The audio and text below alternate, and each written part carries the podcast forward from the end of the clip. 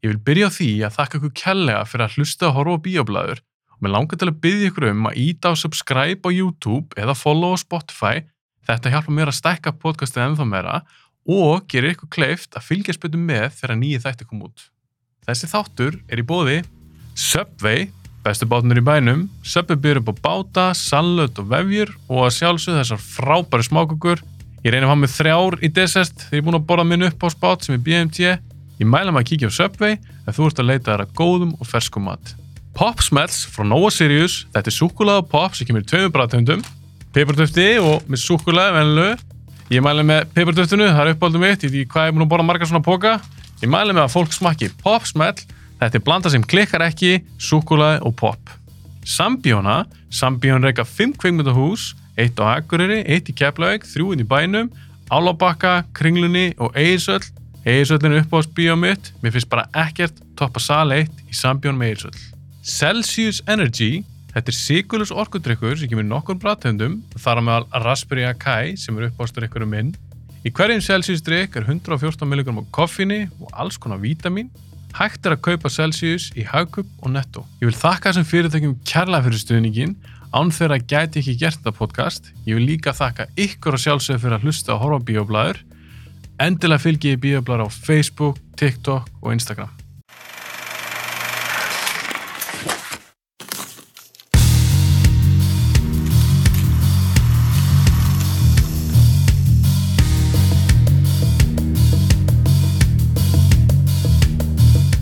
What's man? Byrja þáttur svona, what's man? Ævar, áðurinn fórum að tala um Watchmen. varstu semst að byrja þegar ég saði þetta? Nei, Ok, ok. okay. kannski verður það með. Það er samkvæður. sjá, hvernig það hljómar þegar ég miksa hljóði. Ok. Eitt ég var að ræða snögt á hann fyrir að henda okkur í Watchmen, við erum að tala aðeins um bókina, við erum að tala um myndina og svo seríuna. Mm. Dexter, Ú, það er komið smá pressa. er það? Já, ég er ekki grínast. Ég fekk alveg mörg skilaboð að því við tölum um þetta í þætti 200. Mm. Bara eitthvað, hei, það væri gaman kannski að gera eitthvað Dexter þátt. Svo var ég alveg bara svona, ég fór pínu svona panik að ég fekk mörg skilaboð. Bara eitthvað, já, Dexter þátt, já, takk. Endilega Dexter þátt, endilega. Fleiri en tíu, sko. En vildu þið fá Dexter þátt eða vildu þið fá mig að gera Dexter þátt? Það er al atrið. það fylgir reyndar ekki skilaboðum þá. en við tölum um Dexter þátt Já, þannig að það verður þú að vera með mér í honum ég gekk ekki til samt, sko. höfum þetta bak veirað, ég er ekki að grínast ég, ég hef aldrei upplegað eitthvað svona hálfgerða Menna, hver elskar ekki Dexter? Hvernig er hann hægt? nákvæmlega, og við vorum báðið að fengið þokkala sáttum í síðustu sérina Jú, geggja comeback. ok, gott comeback og góður endir á Dexter höfum þetta í huga, Jeps. svo þetta að koma í top 10 ég meina þetta er bara þriði þáttur Já, er þetta ekki þriði þáttur ég Bara. segðu mér. Þú komst í svona bara frjáls spjall fyrst Mm. svo er þetta þátt 200 það á nú heiður, Það er vel að VIP, sko. VIP treatment. Fyrir eitthvað svona græningi sem mig. það er ekkert allir sem fá það Nei, sérstaklega ekki eitthvað sem bara að koma einu svona einmitt eitthvað nobody það. förum að henda okkur í Watchmen Jeps. ok, ástæðan fyrir að þú ert minn gestur þessum þætti er einfallega vegna þess að þú sendi mér manstu hvað það var? Já, ég bara, ég ætla, ef þú ætlar að segja eitthvað annað, þá ætla ég að segja, nei, ok. Og ég segi hvað ég sendi þér. segðu mínum hlustundum og áhörundum af hverju ert þú í þessu þætti? hvernig byrjaði þetta? Að mér finnst Watchmen ítt góð. Nei, það var ekki bara það. Var ekki bara það var ekki það. Ég sendi til þín að þú ert mjög mikið með hérna overheadjumyndir og svona, Já, en það er kannski ekki annað hægt, það er rosa mikið overheadjumyndum í bíó, vinsælt. já, mjög vinsæl. Og það hefur aldrei verið tekið topikið með Dr. Manhattan. Nei. Sem er náttúrulega geggið overheadja. Hver myndi vinna hvern í slag, þú er oft talað um það. Já, Og ég segi bara, af hverju er aldrei talað um Dr. Manhattan? Og ég spurði þig, hver myndi vinna í slag, hann eða Superman? Jú, ég sagði, þetta Manhattan, þetta er ekki eins og slagur. Nei, Manhattan myndi bara leysa hann upp. það var það sem það er. Það er það sem ég sagði, þá... Fá ekki að spendir, fyrir ekki að klára það. Já, þá sagði ég, þetta er, var að horfa á Motman, þetta er geggi ofurð mynd, einu mínum uppáhalds allra tíma. Uppáhalds ofurð myndin. Já, þú sagði upp á svo orðsmyndi þín, mér varst það geggja að heyra það, að að það er búið að vera alveg svona á mínu plani að gera Watchmen þátt. Að því mér finnst það merkileg mynd, þetta er merkileg saga, ég meina, teiknumdagsans sjálf er talin að mörgum vera bara besta ofurðisaga sem hefur skrifuð. Þetta er veluna bókmyndir. Ve nákvæmlega, veluna bókmyndir og margir nefna Watchmen eða, eða veist, ef einhver er að skjóta á teiknumdasögur, þetta er bara eitthvað barnadótt og hvað er þetta eitthvað bara, eitthvað kjæftæði. Þá er margir sem nefna Watchmen. Nei, hérna ertu meirinn alvöru bókmyndir, þetta er það vanda verk. Þannig ég ætlaði alltaf að gera Watchmen þátt. Svo segðu þú þessu upp á smyndiðin. Við höfum ekki talað um Watchmen. Nei. Við höfum lítið talað um, ef ég maður rétt, bara ofurðsju myndir yfir höfuð. Já. Ég meina í fyrsta þettunum, við fórum... En það er ég ekkert öll. oflega mikill ofurhetjum myndagaur, sko, þannig séð. Nei, en þess vegna finnst mér áhugavert að fá þig til mín til að tala um Watchmen, að þetta er kannski ekki endilega það sem þú fílar svona yfir höfuð, það er að segja ofurðsmyndir. En Watchmen sló í gegn þér. Ég fíla samt alveg smá. skilurðu. Já, þú ert ekki svona eitthvað ofurðsmyndir. Ég er ekki ofurhetjum nörd, nei. Alls ég er að ekki, segja alls það. ekki, sko. Mér er þú svo alla marunmyndirna. Uh, er einhver? Því verða Já. hvað er til? Miljón myndir eða? Ég er búin að fá fullt af liðið til mín sem búin að sjá allar þessar MCU-myndir ofta en einu. sinni. Ég hlusta á þáttinn dagina sem einhver tveir gauður að voru að kvissa um þetta. Já, Ragnar og Adam. Maður var bara Shout eitthvað, hvað er í gangi, skilur du? Þeir, þessi gauður að vita allt. Já, ég er að segja það, þú ert ekki í, í, þeim flokki. Nei, og þeir eru Marvel Universe. Ég veit ekki, þú veist, eins og allt um Watchmen, en það ert ekki eitthvað svona Watchmen sérfræðingur, Nei, ég var ekki að fá af sko. því. En mér finnst gaman að fá fólk til mín Hugur að, ástand Alan Moore þegar hann var að skrifa hann var, æ, tjók, hann er sérstakur. hann er það. Alan en geggjaður í töfundur.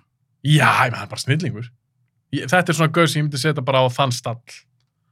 Hann alltaf fleiri myndir, eða þú veist, ekki myndir, en sem að, Bækur. bækur sem að gera myndir eftir. Já, ég meina, We From Detta, From Hell, From Hell, League of Extraordinary Gen uh, Gentlemen. já, Watchmen alltaf svona frægasta, en hann hefur gert rosa marga góða sögur. En þetta er sérstakur kall. Já, hann Vaktur er á líka því. farið um heima og geima. Hvað myndir með þessu? Ha, Heima og geima. já, hann er alveg tafalega opinskátt um það, hann er pröfað hugörvandi efni. og. Já, já, þú meina þannig. Já, já, já. það kannski hjálpar að losa um rittbeinið ef að menn er að skrifa. Algjörlega, en það þarftu ágætis ímyndurafl þegar þú ert að gera Búið til einn magnasta karakter ofriðtisögunar. sem er mann hattan. Já, Ok. ok, ok, sterkast allavega. Ok, förum aðeins, förum aðeins betri í kartun eftir. Ok, En þú varst hérna núna að sjá í fyrsta skipti, hún ætla að reyða upp myndina, eða stutt síðan hún Já. Já, þegar ég sendi þið skilabóðin. Já, við þurfum aðeins að fresta þessu þætti, en það er ekki talað sem sást hana. En þú varst að sjá í fyrsta skipti Watchmen seríuna, Já, Game of Hanaðis, það er henni framhald af, kannski aðalega bókinni. En já, en hann með- skrifar það ekki, samt sko. Nei, nei, nei, Nei, það er ekkert, við líka ræðum það eða nána eftir fyrir mig í seríuna. Þú varst að sjá hann í fyrsta skipti og þú varst að lesa bókina í fyrsta skipti. Já, Þannig að varst búin að að lesa bókinu í fyrsta skipti, þá væri ég bara að spyrja þig, já. hvernig finnst þið bókin? Uh, mér varst hún bara mjög skemmtileg. Ok, Ég, hérna, var svona, gefa þetta spá í því ég var að lesa hana, hvort það væri eitthvað sem myndi vanta í myndina já, og maður rekst náttúrulega strax á það, þú veist, í kaplaskilunum, þá kemur alltaf svona ítarefni, þú veist, eins og hérna, hérna ekki, Hollis, hérna gamli, gamla skilur gamla Night þú Owl. veist, úr hans efni og svona ítalega í karakterana, veist, það var alltaf ekkert sett á skjáin, nei, en þegar ég horfði á, hérna, Ultimate Cut, þá var miklu meira tekið inn í það, eins og allt, hérna, uh, sem að gera þarna við blaðamannstandin já, og gaurinn að lesa hérna Pirate hérna, að því það er alltaf er eitthvað teiknumynda ofrættisögur í þessum heimi að það eru ofrættu til. Já, það var allt tekið inn í Ultimate Cut og meira segja animationið. Var, ekki, var því ekki splæst, ég hef ekki séð alltaf gött, Jú, ok, ég hef bara séð Director's Cut, já. Er ekki búin að splæsa inn á milli eins og bókinni, bókinni skiluru og það er bara geggjað. Mér finnst það virka mjög vind ég var með þetta svona spáði hvað þetta var að fara með þetta og í bókinni fannst mér þetta stundu svona torrlesið.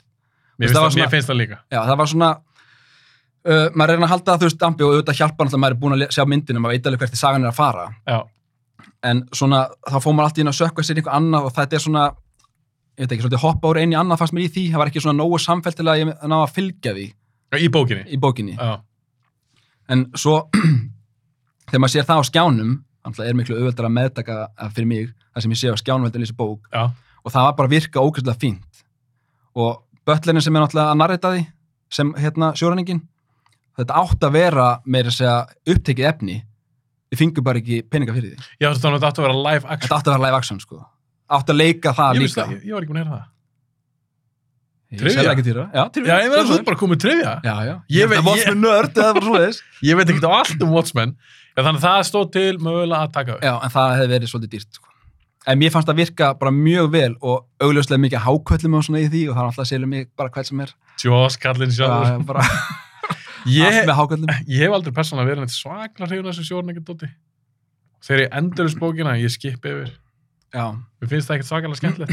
Ég skil alveg að þetta er eitthvað svona að spegla það sem er að gerast í Watchmen sögunni sjálfuri. já, Mér finnst það bara ekki nærðið en skemmtilega eins og sjálf sagan með Rorschach og. Night Owl og Manhattan og þeim. en það hérna, virkar svo, svo flott þegar maður svona, einmitt, hvað var aðeins dýbra eins og að sjá, hérna, við tölum bara mitt á hana, ekki? Jú, ég meina myndir á bókinu.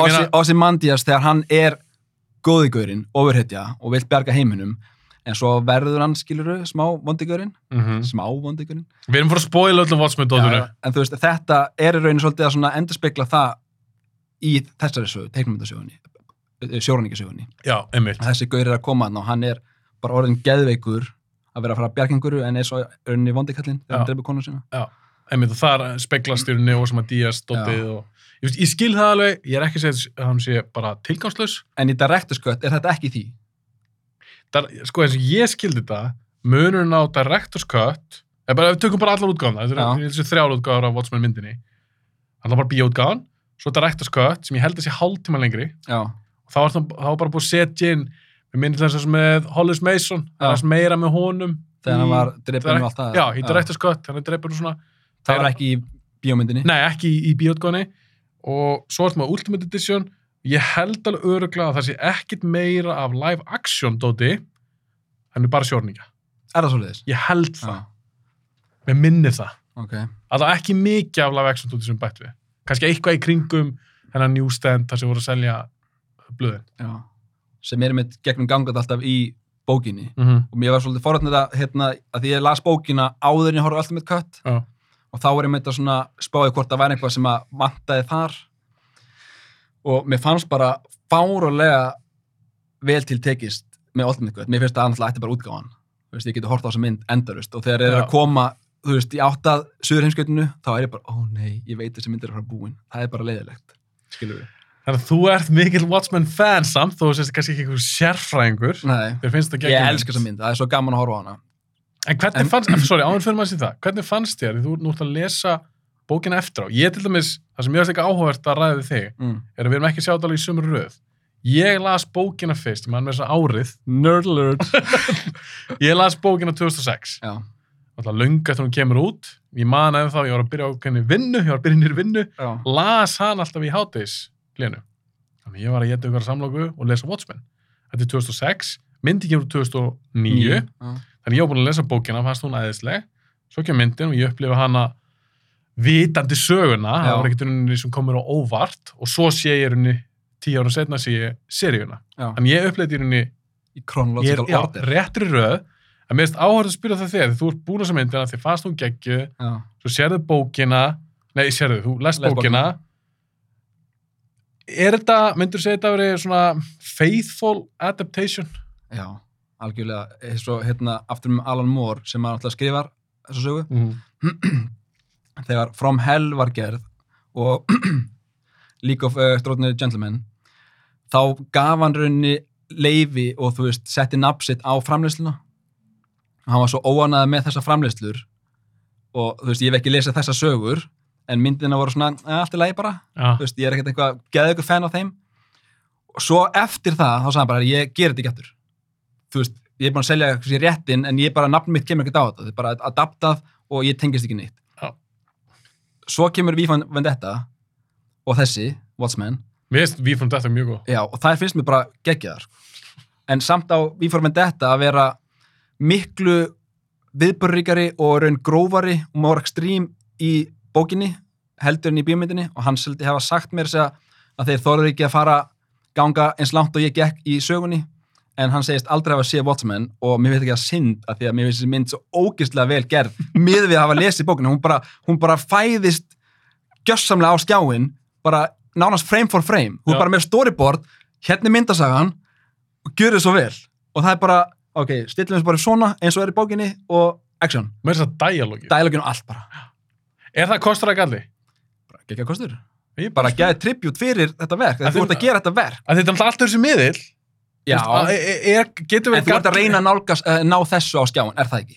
Þú veist, ef þú ert að skapa eitthvað nýtt eins og Watchmen seríuna, Mhm. þá náttúrulega ertu bara free for til að gera hvað sem þú já, En þannig ertu að reyna að adapta þessa mynd á skjáin og þá gefur auðvitað leið að þú ert að, eða þessa bók segir, þá ertu náttúrulega að fylgja bókinni. Þú ert ekki að breyta einhverjum drastískum hlutum nema Squid Monster. já og já, fyrir maður aðeins í það eftir smástund en Mm. þess vegna finnst mér líka áhört að gera þátt og ég, hann, ég ætla bara að kalla hann Watchmen. Þannig að ég segi bóki, myndin og serían. En það er ekkit oft sem maður getur kannski beint borið þegar nú voru að bera saman bíómynd sem er mjög trú bókin eins og þú segir. Bara, Bara frame for frame. heildarsan er basically svo sama sömu karaktera, eitthvað bara svolítið, ekkit ósöpa Sin City. Það vantaði aðeins samt hérna, hvað heit hann, Captain Metropolis. Ég man ekki að var hann reisastórt hlutverk í bókinni Nei, en hann rauninni leiti saman gengið þarna í setna Watchmen genginu. Hann var að taka myndina þarna, þú veist, þau voru bara sex í myndinni, en í bókinni voru þau sjö. Já, já, já. Og ég búin að glemja því. Svolítið síðan las bókina. Alla skiptímáli. Það sem ég er að segja er að við getum borið saman mynd sem er mjög trú bókinni. Mm. Svo setna mér í þessu þætti er að fara að ræða verk sem er alveg gert frá grunni. Já. Það er áhugavert. Já, já. Mér finnst það mjög áhugavert.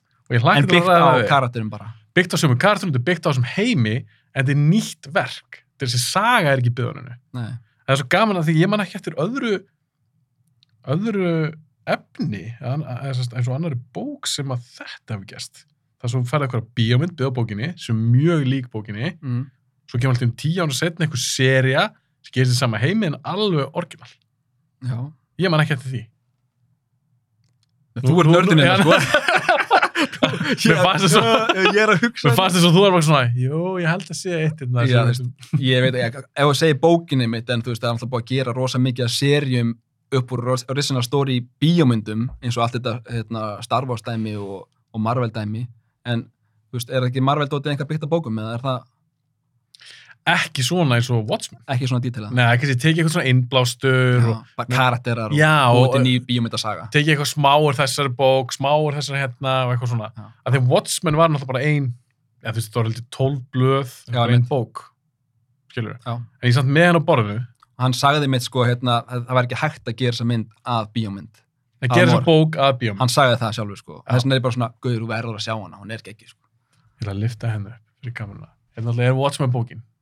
fyrir. Hérna alltaf nördana, allir, allir nördana er búin að lista. Ævar er í einhverjum smiley face, smiley face bók. Thomas ás hérna.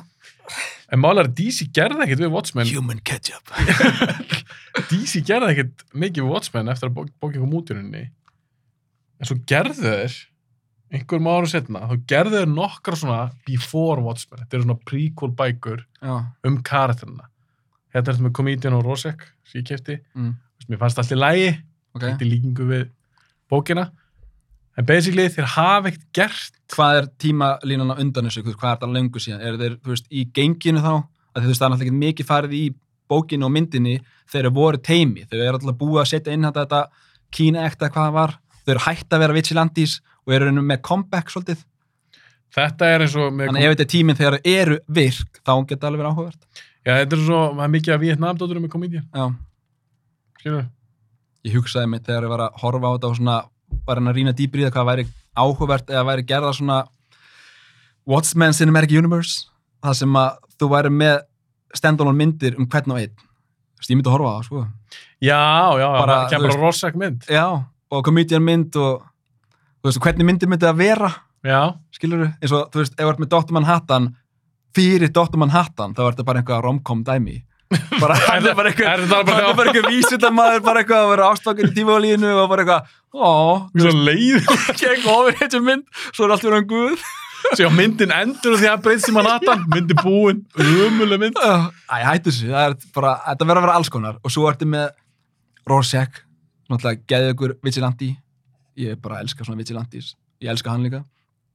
Ég líka, Og- og Psycho. hérna- svo ertu með Comedian, hann geti verið eitthvað, þú veist bara algjörlega crazy shit, svona kannski cultured comedya, náttúrulega út af Vietnamastríðinu það geti verið eitthvað svona full metal jacket feelingur í því, Og svona kranka upp í ellu. eða einmitt Mm. það sem hann er bara eins og hann er svo, Já, þú talar að selja mér, þetta, get, þetta gætur áhugavert.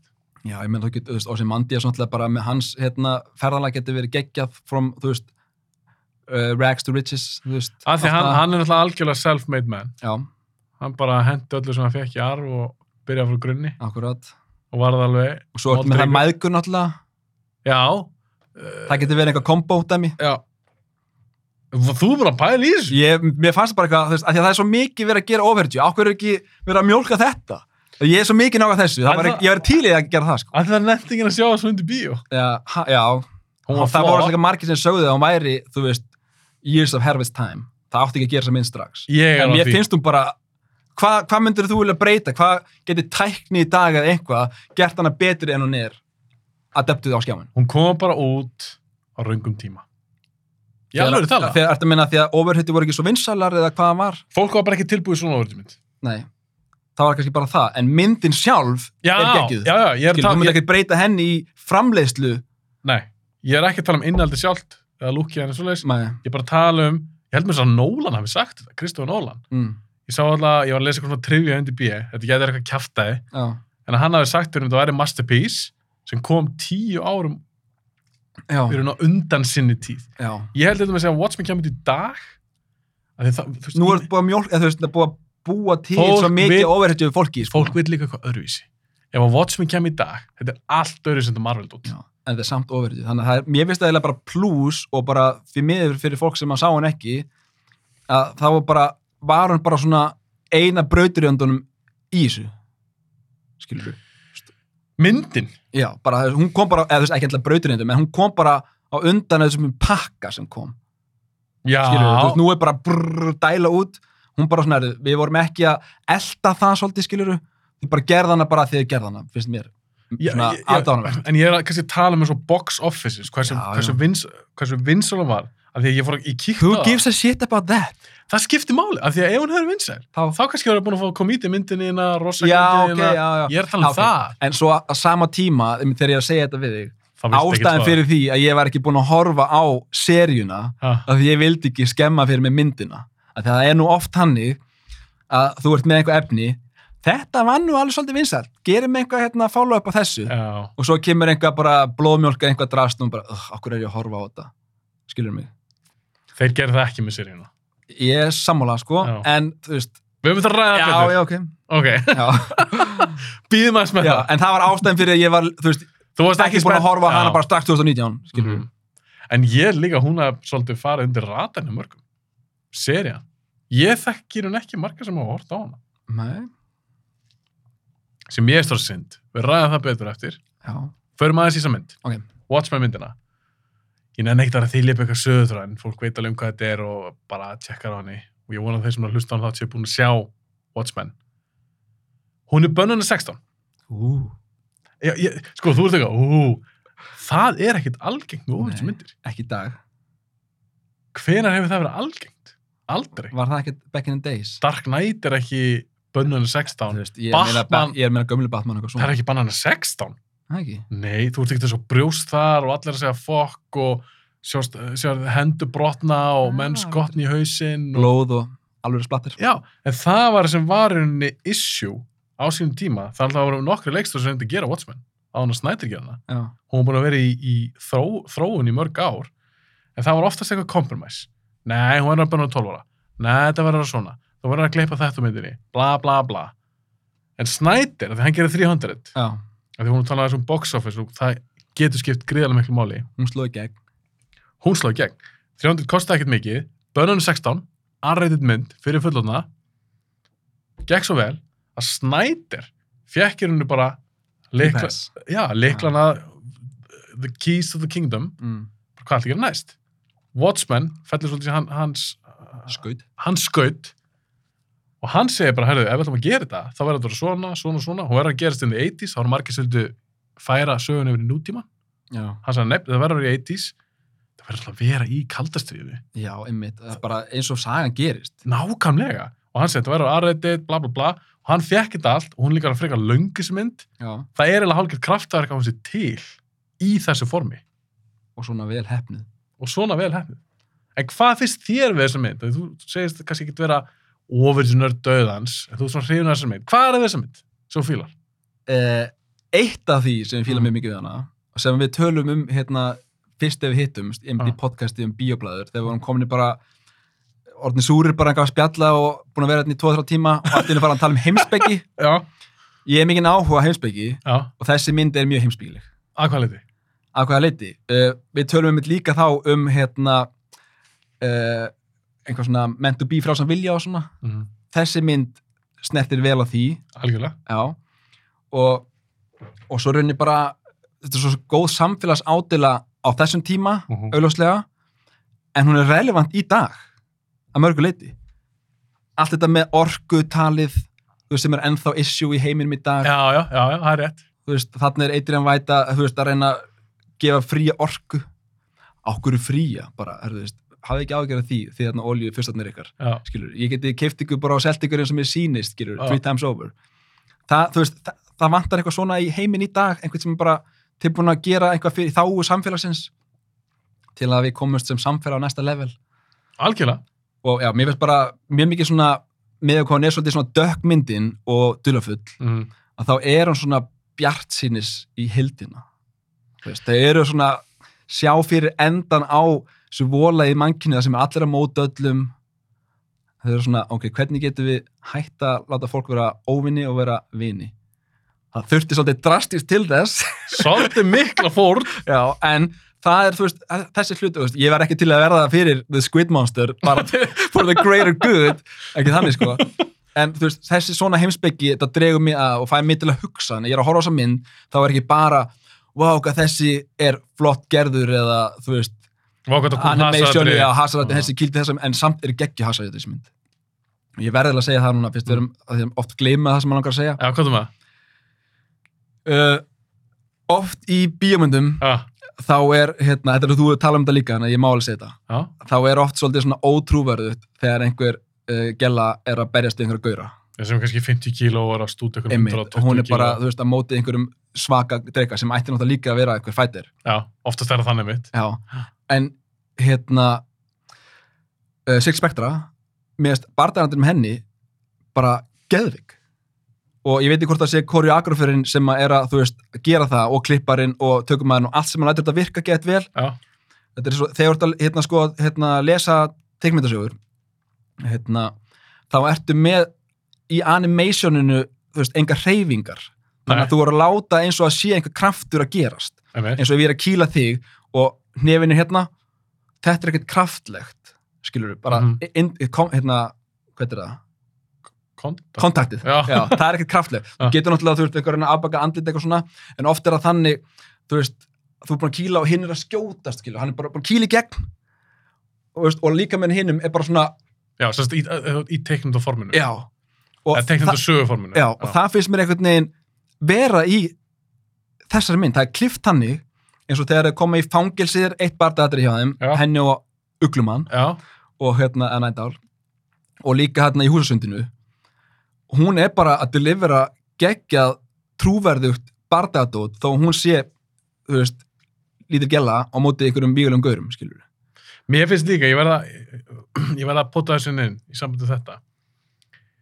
Ég, ég leiði því alltaf slæti í svona overhedge myndum. Hún á að vera overhedja. Skilur, ég veit hún ekki með eitthvað powers, en ég er svona, sé bara eins og Black Widow í Marvel. mm. bögga mig ekkert ef hún er að buffa ykkur að gaura það bögga mig aðeins meira eða þú veist að reyna að gera eitthvað raunverulega njósnamynd eða eitthvað og veist með mitt veist, það er ástæða fyrir að það eru þingdaflokkar í, í barndæðisastum, einmitt. þingd skipti máli þannig að það er að bögga mig oft en í þessari mynd að bögga mig ekki neitt líka því þetta er alltaf eins og er það er það einhverju svona raunveruleika ef að það koreografið er fullkomið og klippingan eru réttar þá selur það miklu meira heldur en bara einhver sé bara að glíma við einhvern bara, herði, hætti þess nú. Það myndi bara gera svona, uh, hún bara farin sko.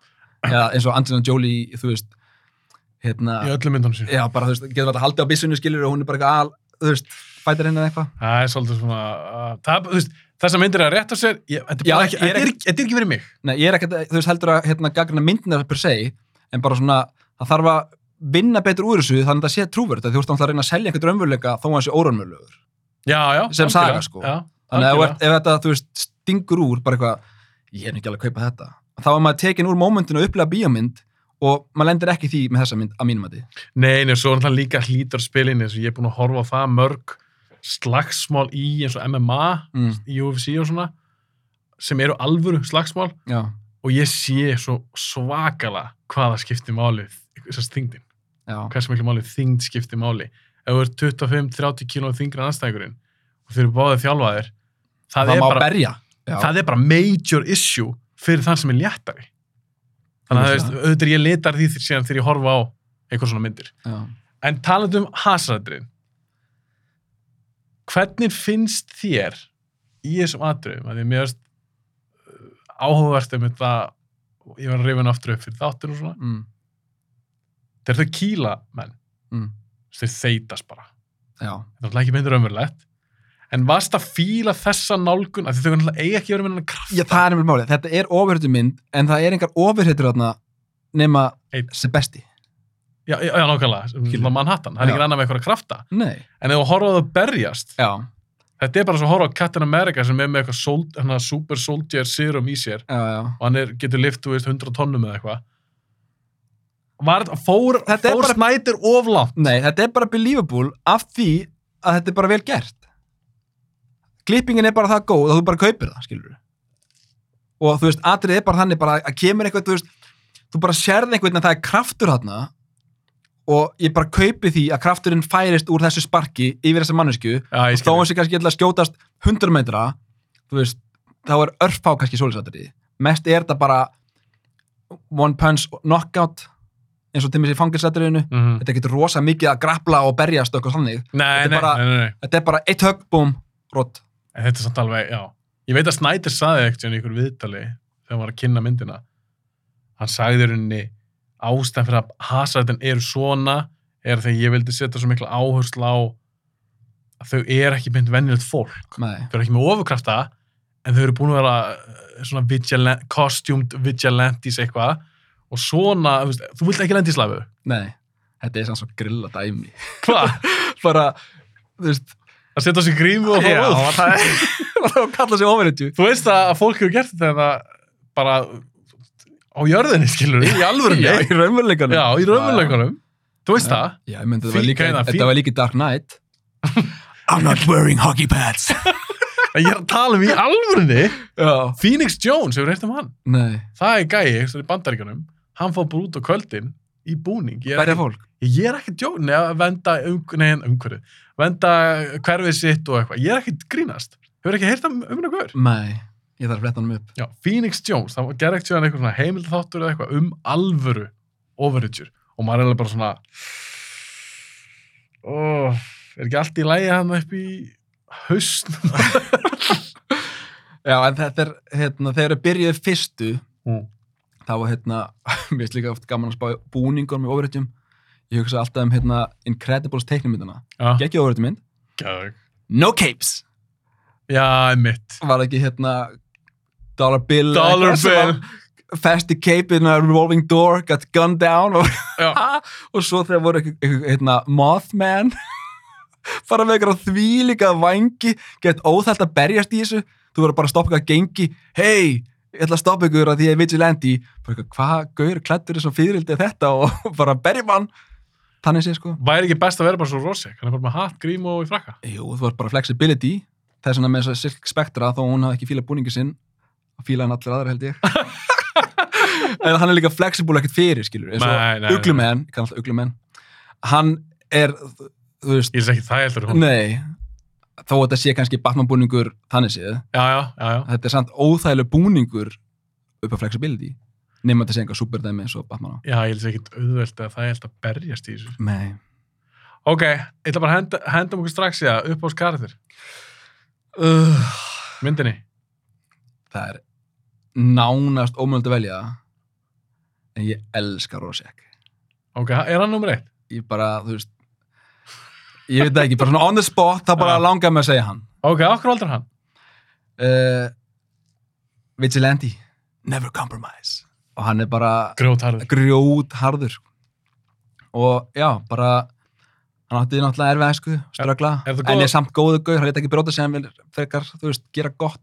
En samt náttúrulega vond, á vonda. Er það En góð hann- okkur? já, Ha? hann er góðu gaur Hvað er vond við hann? Hann er að, hann er að myrða fólk Justice. og ég er ekki að segja það eins og í myndin að fá að sjá þegar hann tekur kjötöksina ok, nú ætlum ég bara að spyrja þig bara hann- hann átti- á, sumt fólk skilja að deyja.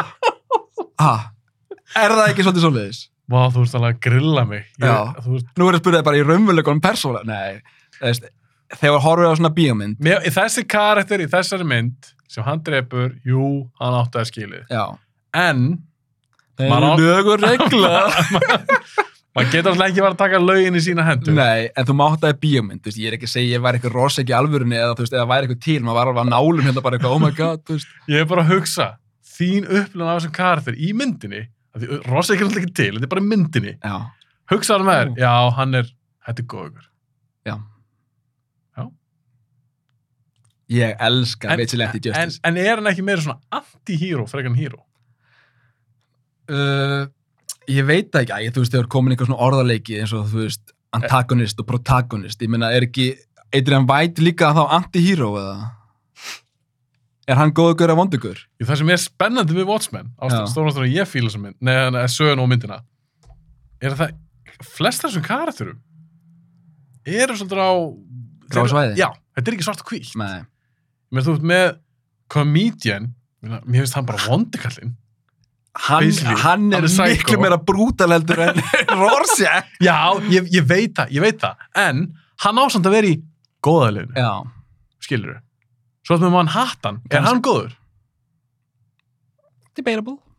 Nákvæmlega, og Rossett líka Það er byrðlega að tala um, er hann ekki Já. meira eitthvað svona anti-hero hann er að... svona pönnissi típa Ok, af, frekar en Batman af Dr. Manhattan, Comedian og Rorschach, þá veist mér Rorschach vera uh, the biggest humanitarian. Comedian, drullu sama.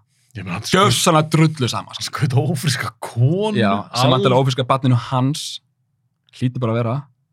Hann vildi ekki meina það, en jú, Nei, en þú veist, ég las það að var með línana, bussi frá því, sko, og Manhattan, þú veist, hann gerir ekkert bara, þú veist, þú getur breytt byssikúlunni í vatn og bla bla bla, því svona segir komedian við hann, þú veist, þannig að hann er, hann var búinn að detessa sig frá mannkyninu mentally allavega, áður en að fór með þessu út í Mars.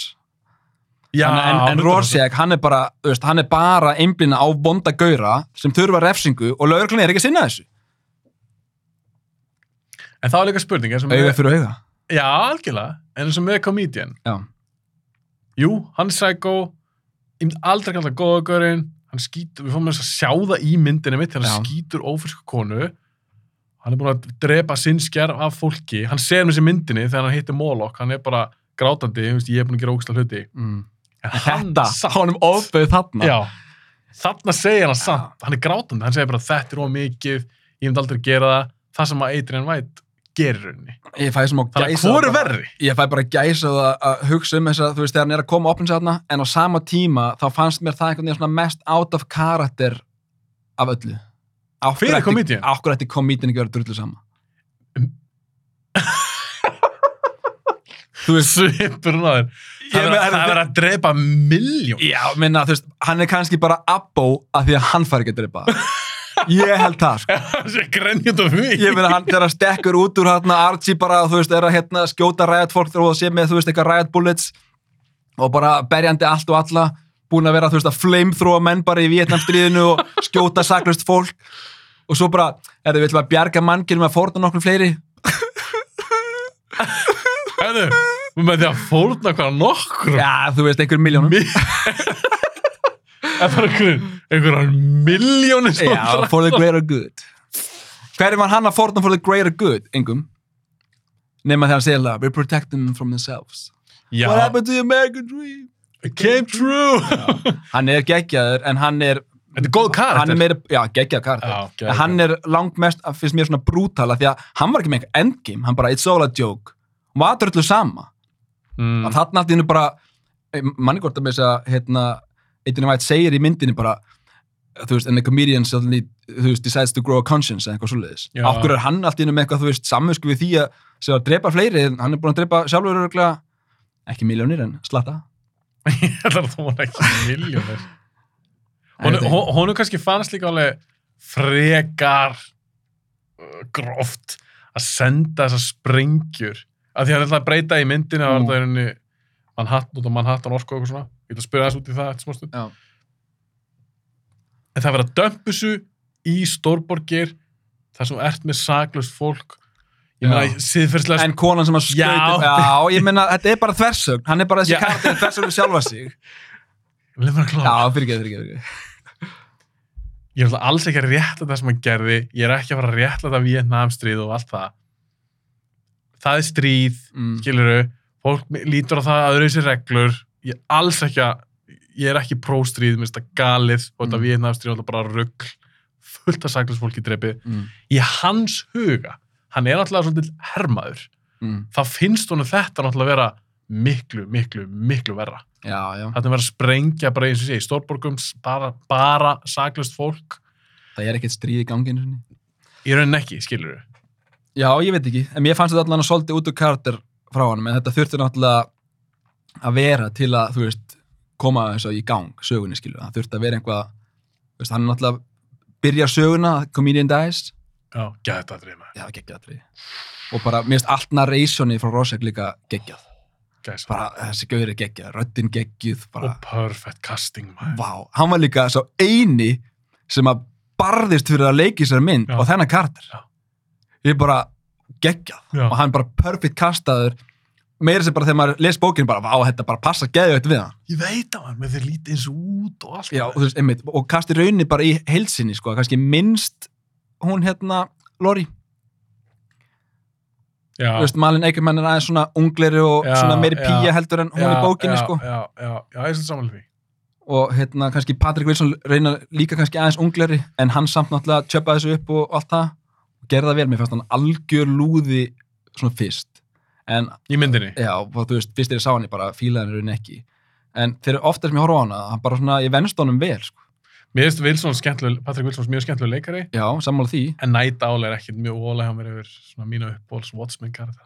Nei, hann er sennilega sístur, sko. Smá boring. Já, hann er svona blanda Batman og Robin einhvern veginn, skilur Og róp. Já, þú veist, hann er svona hann er ekki alveg að kúla Batman hann er svona smá ekki Robin og þannig. nála því að ég haf gún og bak. Nei, en samt basically look-alike Já, já, þetta er Þú veist, hann er með gadgetið, Já, er með já, peningana já, og já. backupið og búningin og, Mhm. og rauninni bara með, þú veist, sömu og ofrættu hæfileika að berjast klókur og klár og, Já, og ríkur áttu fullt af peningum og Já. eitthi þeim bara í drasli sitt. maður komið smá sættrekka Ah. ekki að þú veist, þú mátt bara setja okkur aftur á spórið ég var að hérna, lesa um daginn einmitt þegar ég senda á þig Ah. bara hrifið þessu fyrir mér núna Dr. Manhattan í slag Já, og hérna googlaði bara Dr. Manhattan in a fight og þá kom bara upp einhver frétt bara einhver 20 menn eða 20 ofurhetjur sem getur bara barið Dr. Manhattan eða dreipið hann og unnið hann já, og ég bara eitthvað, 20? Bara hvað kjáftaði það? Hver ætti það að vera? Bara strax mellin alltaf að byrja að lesa og það koma þarna einhverju karakterar hérna, sem ég veit alveg hverju eru, kannski þekki ekki nóg mikið já, Silver Surfer og Thanos og svo var einhver á toppnum Squirrel Girl, veistu hvað það er? nei, Það er einhver sem er einhver ofurhutti heiminum sem að sérst aldrei gera neitt en hún vinnur alla bardaðin Það held ég bara að vera ofurhutti kraftun hennar, hún getur ekki tapa bardaða sem er eitthvað grillað, en allavega og á listanum ah, var Batman oh my god. Já, og ég bara svona, þá ástæðan fyrir því, ég sett alveg svona ítalega ástæði fyrir hvernig það getur unnið og Já. af hverju og eitthvað svona. Já, Ég var svona bara að skima yfir, ég var ekki að lesa á hverju Thanos átti að geta barið hann, þú veist, þeir eru báður öflugir, en whatever, og Óðinn var líka á listanum, og hérna, og eitthvað svona, þú veist, menn sem er bara að berja sér í game og bara rústa heilu sólkerfunum og eitthvað svona, en allavega, Batman ástæðan fyrir því að hann átti að geta unnið Dr. Manhattan í slag, var að því hann var svo klókur. oh, með, pre, með prep time. Já, bara eitthvað bara Já, undirbúa sig og bara eitthvað hann hefði getað komast að því hvernig Adrian hérna, White náða að blokkera hérna, Tekon, hérna, kerfið hans, hann hann gæti ekki séð framtíðina og gæti þá leitt hann í gildru eitthvað og unni hann í slag bara, þó hann gæti gert það þegar hann kæm á staðinn, það bara svona búið, þú er bara Batman sko. Bara manneskja, bara Bruce Wayne. Þess að segja þegar þú tala um slag eða eitthvað svona fight, þetta er ekki eins og slagur. nei, bara hann bara, erðu, pff, ég teliport þig bara til Mars. Já, og þú bara kapnar þar. Já, og bara gjör svo vel. Bye, já. búið, ég, svo, bara leysið upp. ég hef hugsað þetta eins og með Superman ef þú værir með hann og Dr. Manhattan ég veit ekki hvernig þú veist, efnasamsetningin í Superman er hvort að hann væri að þú veist, Kristanísbað, eða þú veist, Brengjan, Já, hvort að hann gæti með Superman kröftunum sínum bara haldið sér saman, ég veit það ekki Þú veist, þetta er svona sem ég spáði að við mannfólk getur það ekki en ég veit ekki úr hvað Superman er gerður já hann alltaf tölur sterkari. Tölusterkari. Tölur sterkari. og hann getur líka að fara út í game þannig að það er ekki að teleporta hann bara til Mars og bara flýgur hann tilbaka Ég meina, Manhattan myndi bara búa til kryptonite. já, Má hann getur gert bara já, ok Men hann getur, hann getur skapa líf. já, reyndur okay. fyrir meiri það eftir Já, fyrir meiri það er sorry, þetta er bara pop upp í hausnum bara af því að það er svo áhvert að vita um óreitur í slag. Mér finnst það ógælt skemmtilegt þess að gera alltaf vs. Marvel bara eitthvað svona fæt þáttur. Og ég ætla að gera líka aftur svo þetta var svo gaman. Mm.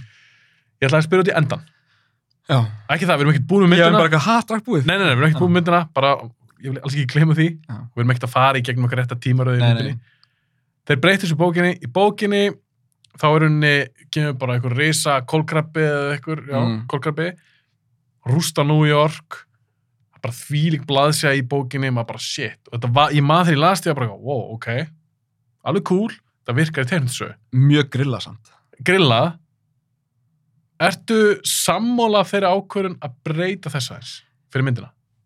Já, ég held að hitt hefði verið veist, á þess að spá einhvað í framlýslu dæmi, þá hefði þetta verið svolítið grillað að sjá. Hefði þetta kift mögulega áhörðandi út úr myndinni? Ég held að þetta hefði verið bara svona, ég ætla ekki að segja að setja hann bara niður í einhver svona B-status, þetta hefði verið mjög skrítið, þetta var mjög vel yfirfært yfir í orkuna frá Dr. Manhattan. Mm. Þetta var honum að kenna og hann tók á sig sökun, sökina skilur. Mér varst það bara mjög vel leist. Að þeir nota kólkrabban í þáttum. Já, þú veist, eða líkingu þar úr varandi fram, framtíðina sem hann er að halda ennþá hérna, öllu status quo Já, ekki líka bara, það skilur, að komið sér litlu kolgar skilur já, hann- nei, líka því að stóri kom. já, það var bara, það var, þú veist, þá var hann að fara áttur í tíman, þú veist, hann var ekkert að hérna eða hvað verður manna? Þú veist, í seríunni, Þegar er tífólíun hann að Já. já. þetta event sem gerðist, já, það var kólkrabbi. já, það var bara eins og í Ris, bókinni já, í alveg eins og bókinni. já. Ég veit ekki hvort það fyrir ekki meira þegar þú ert að horfa á seríuna og þú er búin að investa í henni, þú veist, þetta var ekki fyrst þátturinn já, já, og bara ekki, að þetta er áhugavert og þú kannski fyrirgefur það og það var ekkert eitthvað verið að dvelja við það Nei, það var meira svona tala um hann bak við tjöldin, þú veist, það fór ekki til New York lengur það var bara eitthvað giant squid monster Mhm, svoleiðis. mhm. En mér fannst allan að selja mig mjög vel hvernig það var gert í myndinni og ég ætla ekki að segja betra enn í bókinni en eiginlega samt sko. Já, ég hef alltaf verið hlindu því að, að hann hafi breytt þessu. Það fór Mm. aldrei í mig að því að margir svona pjúristar, watch me pjúristar og bara, að, þú verður að hafa kólkrabban. Já. Það ekki það hérna bla bla bla, Manhattan. Ég var alltaf ekki búin að lesa bókina þegar ég sá þetta en ég var bara geggjað. Svo þegar ég var að lesa bókina bara, hvað skvitkjátt er þetta? En það er alltaf eitt stór munur, þetta er alltaf bara útlæslega mun að sjá þetta reysa skrimsli sem White, White býr til, eða þessa gemveru. Mm. Það er eitt stór munur, er einhverja sameila ógn, Mm. aðra ógn Einmitt. sem er ekki eins og partar sem heimi. Þess að sameinurinn, því að rússarnir og bandarækjumenn voru í kaldastriðinu. Þetta er bara einhver önnur vít Já. sem að þetta kom úr. Já, þetta, þetta er óvinnur, þetta er bara svipað þess að það kæmi, eða kæmi einhverja gemverur, myndi ráðast á okkur. Einmitt. Ég hugsa bandarækjumenn og kymverjar og rússar, þeir eru allt inni vinir til þess að berjast gegn gemverunum. Það var basic pælingin. Heldur samt í alvörunni að myndi ekki vera þannig að einhver myndir hann koma sér mjúkin og nýta sér geimverðin til að, "Er, þetta eru vondakörni, við erum við saman að móti rússónum eða kýmurum eða Það fyrir eftir hvernig það er Ef þetta er eitthvað svona Independence Day, þar sem þið bara mæta og byrja bara að þá byrja allir- Já, ok, Skilurðu? myndi bara, ok, let's reason here, let's Þá, reason. þá náttúrulega, ég ætla alltaf að vona það að mannfólki myndi standa saman í því. Maður veit aldrei, við stöndum ekkert saman þannig, þannig sé skilur, en En við erum aldrei, Já. stand, við erum aldrei staðið fram fyrir svona ók. nei, það er rétt. En pointið mitt er að Adrian gerir svona að hann hugsa með sér, ok, þá er komin hann að ók Já, algjörlega ekstra utan á einhver annari vít. já, í mun- bókinni, Já, í bókinni mun samna fólki. já, En af því breytus í myndinni, já, þá tekur bara Dr. Manhattan þetta á sig. já, en hann er samt alltaf bandarækjumæður. Það sem ég meina með því er að það er ekki alveg eins ógn, eins og einhver ógn frá einhverju bara. Þú ert með mann, Sem Þú ert ekki með barðist- mann, þú ert með guð. þetta var bandarísku maður. Já, en þetta er guð. Alm, ok, ekki Hann- guð, en hann- er almáttugur með við okkur hérna á jörðinni. Já, ég veit það, en eins og í Vietnamstríðinu, með einhverjum barastan. Bandaríkjumunum. Já. Og hver er unnu stríðið í, í Watchmen myndinni? Ekki Vietnam. bandarækjumenn unnu það því að hann var þarna þannig að þegar þeir sjá að Dr. Manhattan er bara fed up og hann er drullu saman mannkynnið og bara farin að sprengja henni að geðslega borginnar þó að, þú veist, Adrian White gerir þetta en þau halda þessi hann, þá er þau bara, ok við þurfum bara að, þú veist vera vinnir og annarkvort að bóla honum burt eða hvað sem er að gera skiljuru En heldur þið ekki frekar, því ég var svo ógeðslega mikið að pæla þessu, Ok. okay. stúdar hún og Watchmen. Heldur samt virkilega, er það ekki þannig, ef þetta myndi gerast þess svona, bara eins og í myndinni, Já. þar sem bara, herru, Manhattan bara klikkaðist, hann stúdaði einhverju New York, einhverju Hong Kong, eitthvað hana, ah. Heldur virkilega að kýmur að rússa myndi ekki segja, þetta er fokkin ykkur að kenna. ah, ok, jú, þegar þú segir það svona ég var ekki alveg að tengja hann það meikar reynda smá sens Já. Já. Þannig að þú ert ekki alveg að fá sama impact eins og þetta væri eitthvað að reysa kólkrabur og annari vít. Nei, það er enda alveg rétt en sama tíma þá er þetta líka einhvern veginn eh, svona meira hún er mei, auðveldra utanum þetta að því að hann er til og hann er í rauninni almáttugur og það vita það allir og hann er í rauninni ógn, skilur bara við jörðina, sérstaklega aðra en bandarækjumenn en þarna sjáur okkur, hann er líka ógnum bandarækjumenn að þú veist, ef að hitt hefði komið þá er, þú veist, fyrir manginni bara ná utanum það, það er eitthvað ég veit ekki, eins og bara í þáttunum bara fólk styrlaðist, það var ekki allir bara sem að dóu, fólk bara misti vitið Já, Skilurðu? já, já. þannig að það kemur eitthvað svona, bara þetta getur verið svo miklu meira katastrófi, skilur bara eitthvað, ha, þú veist, við, við erum ekki ein hérna, það er bara, þú veist, þegar fær sönnununa fyrir því, eins og við getum talað um geimverur, þú veist, og fólk spáur í þessu, ætla að sé lífa að hnöttum eitthvað svona, og þú veist, ef að myndi koma bara geimverðin inn myndið við missa vitið? Hvernig ættum við að tjá okkur um þetta í rauninni, Ég held við erum ekki tekk bara, ah, crazy. er það ekki? Já, ég, þess, ég veit ekki, ég hef aldrei sé geimveru.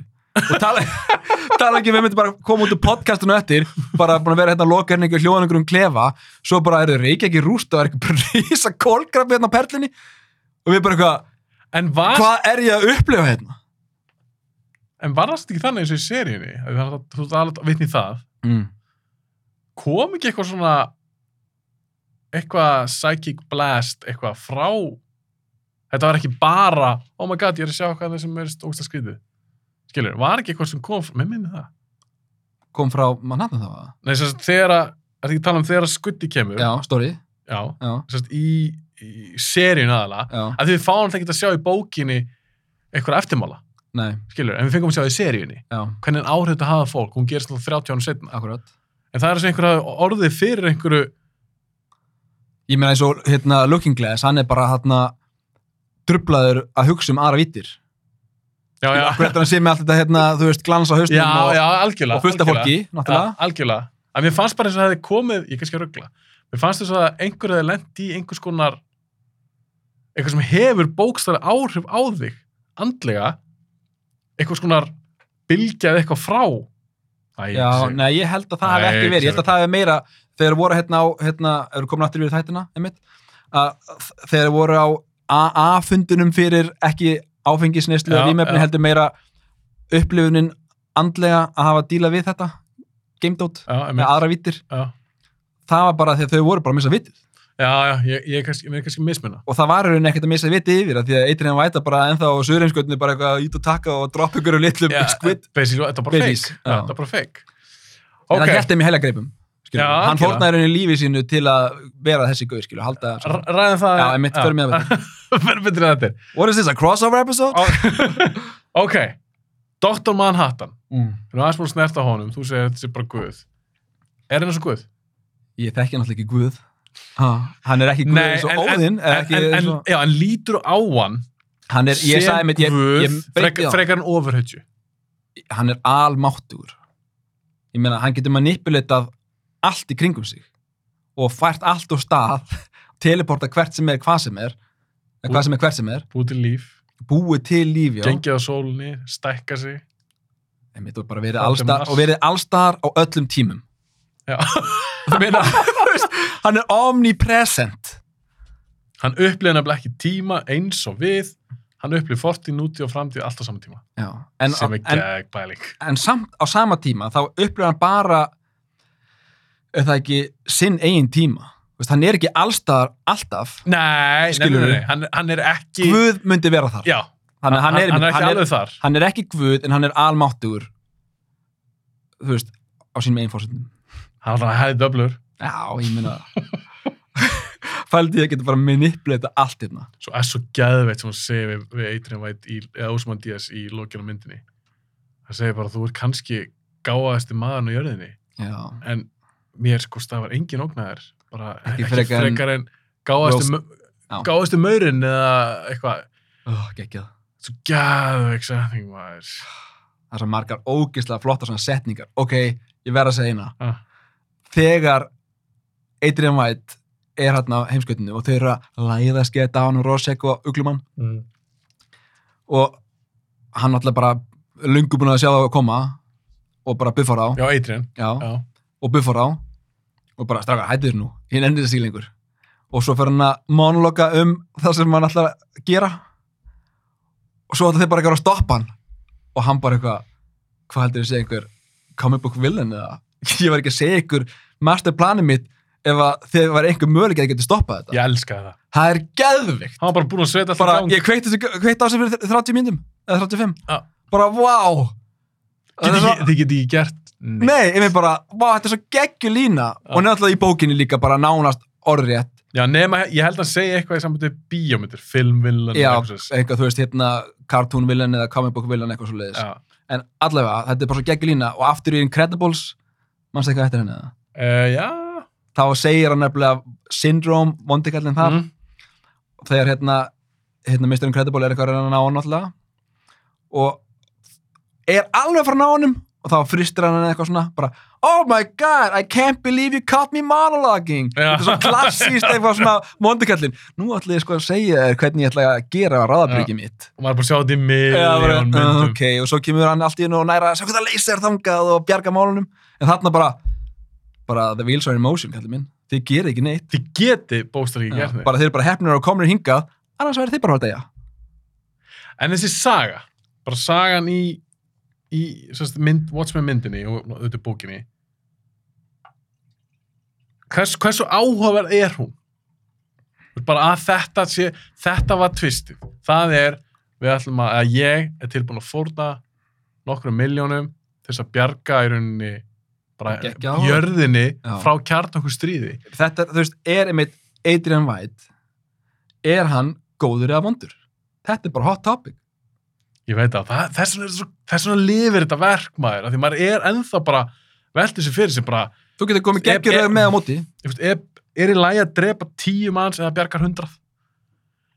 Og þannig er þetta alltaf með þetta stærsta skalanum, en ég bara Já. tala um eitthvað svo, svo, þetta er svo stóra tölur, já, maður bara, veist, er í lagi, er, réttlætanlegt að drepa, eins og segi, tíu manns eða þú bjargar hundrað? heitir þetta ekki einhver heitir þetta ekki einhver svona prisoners dilemma eða eitthvað þannig Já, það getur við.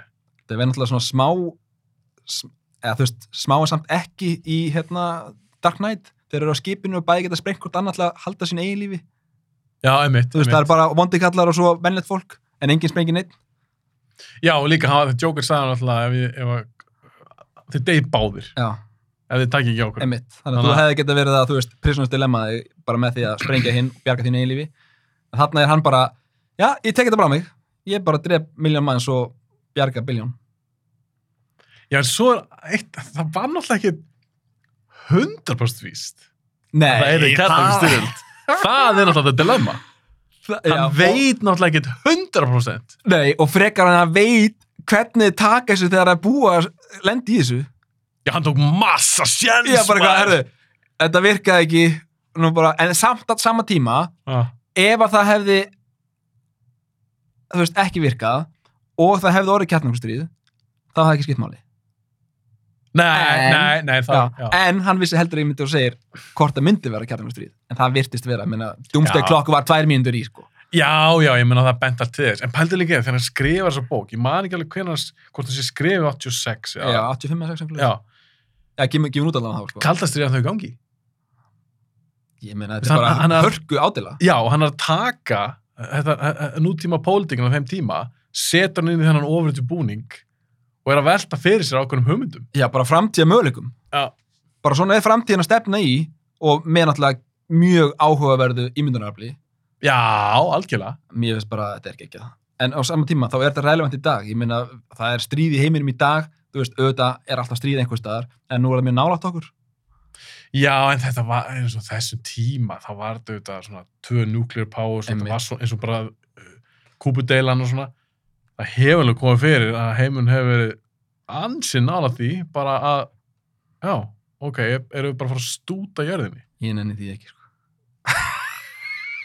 Jú, ég var að sé til í það Ræð Þú veist að ég nenni ekki kjartungar heimstyrjöld, bara En- láta það hérna út í kosmosið. En Dr. Manhattan, Mm. tölum aðeins um hana því að hann tengist auðvitað alltaf klárlega þessi ég er að fara að nefna núna Ok. og það er, við erum að tala um kjartangustyrld hann hefði tæknilega séð, við erum að tala, hann er almáttur Mm. hann hefði alveg getað farið og látið allar kjartangussprengi hverfa Já. En hann gerði það ekki En það var að, hérna, verið að reyna að segja, ég mæni hvort það komið fram í bókinni, að koma allan í myndinni. ég er ekki þessi galli, ég, bara, Nei, ég er veltið þessu fyrir mig bara upp á karakteri sjálfan Já, John Osterman, já. er þetta rétti maðurinn sem fekk kraftana? Uh, það er mikið debate í seríunni hver er með þessa krafta? já, því hvað gerir hann? hann stoppa við hérna afstriði á núleitni já. hann, er hann að gera eitthvað svona Hann var, náttúrulega, göfugt? hann var náttúrulega, þú veist, ok, þegar hann er nýbúin að fá þess að krafta, ok, reyndar, hvernig fekk hann það? 60 og eitthvað? 59? Já, og við hérna strífa 70 og eitthvað. Já. Hann, hann- hann kemur inn í að minnum við 70 En hann, hérna, þú veist, ætti að hafa haft ansi góðan tíma til að, hérna, ná áttum, skilur En hann var alltaf fjarlægast mannkynnið. Já, ég, sko, ég skil basically af hver hann gerði þetta ekki en maður er að hugsa með sér með alla þessa krafta Já, en ef, ef að eins og hérna, hann upplifir það, að, að ég tólka það, þegar þú ert svona almáttugur, þá skiptir þetta engu máli. nei, nei, Bara ég nennis, þetta er bara basically, ég nenni ekki bergur. ég gæti Já. það en ég nenni Já, þú veist, það var að reyna að segja í bó, hérna, myndin alltaf, ég manni hvort það var bókinni, að hann gæti mögulega að stoppa, þú veist, þó myndi ekki stoppa nema 99% af þeim, þá var þetta 1% eða hvað var, nóg til að sprengja halvan heiminn. Skilur það, þetta var eitthvað 50.000 kjarnangarsprengjur eða eitthvað, og ef hann væri, þú veist, á 49.000 stöðum til að stoppa þér, þá var hann 1000 kjarnangarsprengjur að springa samtímis út um allan heim. Það er ekki gott. en af því hann getur líka hann getur basically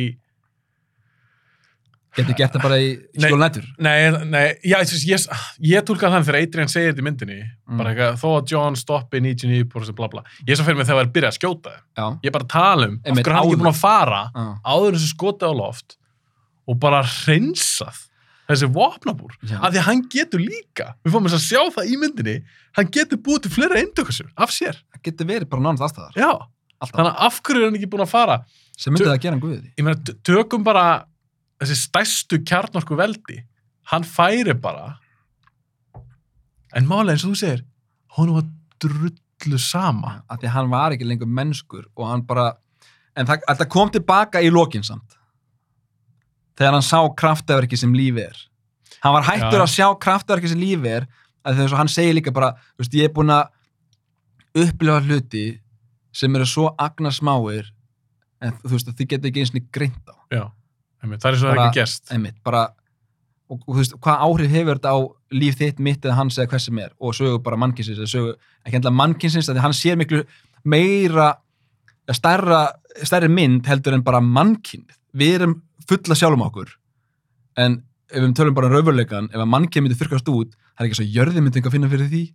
Nei, hún var bara eitthvað, "Ja, ég held bara að maður rækta mín tré og bara nú er bara þau bara frjálsa hún myndi bara blómst Já, það er bara svolítið þannig skilur du, bara brutally honest þá er það bara þannig, þannig að hann er með drullu sama eins og þegar hann bara er að Mars. Ég meina, væri þessi dalur hérna og allt Já. þetta flotta hérna á Mars, einhvað betra að það væri ólíulagnir hérna yfir þetta allt? Já, er eitthvað veslanum viðstu. Já, einmitt, hann er bara að upplifa svo allt aðra hluti heldur en mannkins vandamálin að hún er með bara drullu sama. Og maður skilur einhver leiti en svo kemur að því bara að hann vildi einhvern félagskap þess vegna var hann alltaf að koma tilbaka hann var einhvað mennst í honum annars hefði hann ekki komið tilbaka. Já, og svo ræðum það kannski betur líka eftir í, tölum eins og seríuna. Já, en bara, ekki, ekki bara með seríunni hann kom alltaf tilbaka með Laurie. Já, af því að hún að, hún fór til Mars með honum skilur já, hún að samfarnum, komin henni tilbaka og þá fór hún að sjá fegurðin í, eins eins og segir. en náði hún að samfara hann eða var hann að samfara sjálf sig? Meina, þetta tíma þú veist, koncept í kringum hann er svo styrla oh, það er svo geggjað en samt svo böggandi á sama tíma að því að hann kemur til jarðarinnar og næri hana frá hérna uh, Nædál og hérna Rosek. Þannig að þú veist, hún var ekkert að þú veist, fara bara einn til Mars hún þurfti ekkert að fá handla að sækja sig Já, já. skilur Hann kemur sjálfur, að hann kemur fyrstur, þangað. já. En veist, svo þegar ef hann er búin að upplega þó að það vera að blokka hann tekja hann dæmi hann fyrir hann veist, hann er að koma hann að sjálfstafum að sækja hana. We need to talk. Skilur, þannig að það er einhvað í honum sem er að sækja í hana. Hún var náttúrulega eina tengingin hans sem átt eftir og Já, hann sagði, segir sko. mér þess að þú varst einu tenging minn við, bara við mannkinni, já, eða jörðina. Þetta að það betur fyrr. Svo er alltaf geggjalega sem hún segir, einn setning í myndinni sem var svo geðug. Þráttur alla þessa krafta sem hann er með og hann er almáttur, þá segir hann sjálfur, ég er samt bara brúða, einu munurinn að þið verðum öll brúður. Þetta, er allt fyrir frá ákveðið. Samkvæmt Watchmen, er allt fyrir frá ákveðið. we're all puppets Já, I'm the only one who can see the strings það er málið. ah, geggja lína. ah, Hann í rauninni bara er að segja það, ég get ekkert breytt nefnir. þetta litur að gott fyrir þig þú trúir ekki frá svo vilja, það ekki, næn Ég trú alveg, já, ég er að segja svo það fíla ég Watchmen. Er þú Dr. Manhattan? How do you dimmer the glow? nei, eins með það, ég meina, hann segir sjá strengina, Mm. hann segir það er best bara einu munun, ég sé strengina. Veist, ég sé, þetta er, ég get ekki breytt nefnir. Þannig að hann er að segja að sé einhvað aðra heldur en bara þú veist sem við erum að upplifa Mm -hmm. þú veist sem er bara geggjað sko og þessi Basically, gauðra búið allt til, vá maður ég veit það, þetta er svo klikka. Nú erum við að tala um þetta, hún kemur út einmitt, 85-6 eða eitthvað, eldgömmul, eldgömmul, ok, þetta hljóma illa. Ég verð að segja, fyrir ekki Nei, hvað er Já, fyrir ekki, ég verð bara að segja hérna að því að hérna las hún svolítið til um hérna Alan Moore og svona líka Já, og hérna þegar hann var að skrifa From Hell mm saman hverjum finnst um hana þá sagði hann að hann skrifaði línu sem að umbreytti hans lífsín ah, og að lesa línu fyrir þig. já, endilega lest hana. Já. The one place gods inarguably exists is in the human mind. Og þetta er geggju lína. ég var svo mikið að hugsa um hann. Já, bara þú veist þannig að, ok, þá er hann, þú veist, þá er hann þannig sér til allan að fyrir einhverjum. Já, hann er 100% til í hugan. Þess, í, í hausnum á einhverjum sem trúir 100% á hann. Já, og þetta er bara magna og þú veist, ef að basically John er eins og, mér finnst eins og hann sé smá þarna. Að hann einhvern veginn trúur okkar stærra en, en sjálfa sér sem er almáttugur. Skilur, ef hann er að tala um að hann sjáu strengina Mynda, og, og hann er bara puppet líka, skilur. We're all puppets. I'm the only one who can see the strings. Ég meina heldur hann trúi Guð, ertu að tala um það? Einhvað aðra, ég ekki, þú veist, Já, það er alltaf aldrei sagt nákvæmlega í myndinni, Nei. en hann er væntalega að gefa þetta kynna þegar hann segir það. Mér finnst það. En En svo er alltaf allt túlkanlegt bara eftir, þú veist, eins og biblíðan. Bara þú ert bara að lesa orðið að hlusta einhverja framsög, bara hvernig túlkar þú orðin Já, en, á þess að fara ykkur að lögfræðin. en þegar svona almáttur, almáttur vera Mm. segir samt, þó hann er upplifið tíman svona, þegar hún, hann segir samt, nei, ég, ég get ekkert breytt hennu, þá hlýtur hann að trúa okkur aðeira. Já. Menn gefur það ekki auðvitað? Já, og þá getur maður þess vegna farið í að bara, þó að þetta hafi verið þetta tachyon interference þarna út af vélans eitriðan, þú veist, hann var bara ekkert að nenna að gera neitt, ég veit ekki, þetta er, hann má alveg spyrja þá, er hann góðugurinn á móndugurinn? Já, þess, mér finnst líka bara áhugavert að hugsa um Manhattan, hann fær, þess að, og John Osterman, þetta er bara velu gaur, hann fær þessa krafta Já. og greina svona hægt og hægt, að fjarlægist hann mannkynið, að við fáum að sjá það þegar hann er ný komin með þessa krafta. Ríkistöndin reynir bara, herðu, farðu þú voru að fight crime og hann Mm. fer á eitthvað, mafjósustæð eitthvað, bara og leys, sprengir það bara alla. Ég meina, þannig að til að byrja með, þá var alveg hægt að veist, ræða við hann og hann Já, er svona eitthvað, og svo bara einmitt þegar hann upplifir það sem hann er að upplifa allt annað en við gerum okkur grein fyrir það er bara, ég nenni þess ekkert heldur, ég sé henni að fara einhverja knæpur hérna endalust að vera sprengingar á mafjósa, bara who gives a shit? Það þjónar einhvern tilgangi. Bara, ég nenni ekki svona að stoppa hérna, mannkinn var að strúta sig með kjarnangustyrjut bara, ákveð þetta ég henni að fight crime hérna, var Billy Crudup góður sem Manhattan? uh, mér finnst hann flottur leikari, já. Finnst hann ekki góður sem Manhattan? ég mér finnst hann flottur leikari, í þessu hlutur ekki, sko. Ég þekki ekki mikið annað með hann, sko. Mér finnst hann geggjör sem við. bara ógeðslega þægilegu talandi. Og- Ma- Maður keifti alveg að hann væri hann var alltaf ekkert mennskur. Skilur, veist, Manhattan sjálfur. Já, hann á meira samhælt með einhverjum guð heldur en, guð heldur en mannkynnu já, hvernig hann, hann var svolítið svona velrætt einmitt, bara, bara þægilegu talandi svona, einmitt, Já. svona monotótt svolítið. Ekki þetta að sína neina tilfinningar. Það er tilfinningar ákveð þetta hann að þurfa að hafa einhverja tilfinningar? Hann þarf ekki á hann eina þeir þú veist bara, nothing ever ends og þú veist bara svo mikið að djúpum línum bara sem að svo- enda á hann líka svo geðveika línu þegar hann segir I feel fear for the last time þegar hann inn í klefanum hann oh, fuck, fuck, fuck. gæsa á Já, sko. gæsa, hann bara fuck, fuck. Svo alltaf verður hann á Manhattan. Og Já. eftir það, hann alltaf finnur hann ekki fyrir en óta, til hvers, hann líka veit alveg hvað hann gerast að hann fyrir sig. Já, sem er einmitt annað sem að mér finnst svolítið svona oh, pirrandi við þetta en aðeins að þurfa að fara strax aftur í þættina. En já, narrationi hans líka það finnst mér Mér finnst bara, atrið hans í myndinni þegar maður fara að sjá þann fyrir Mars og hann er að tala um it's 1959, bla bla bla mm, it's, hann, hann, hann, að- hann sína okkur hvernig hann upplifið tíma já, það það er svo trillt Mér fannst það einhvern veginn virka betur í bókinni. já, það, Já. Eiginlega svona, ég veit ekki, mér fekk einhvern veginn meiri skinjun fyrir því í bókinni og það komst eiginlega meira til skila hvernig hann skinjaði tíman heldur í myndinni. Það, það, það því að kannski líka í bókinni þá nær maður að dvelja sjálfur við Er þetta að sjá einhvað það? Nei, sorry, ég var bara aðeins orðið gaman Já, fyrir ekki, það er slögt á þessu þá hérna nær maður að dvelja sjálfur við kabla sem maður langar að rýna betur í.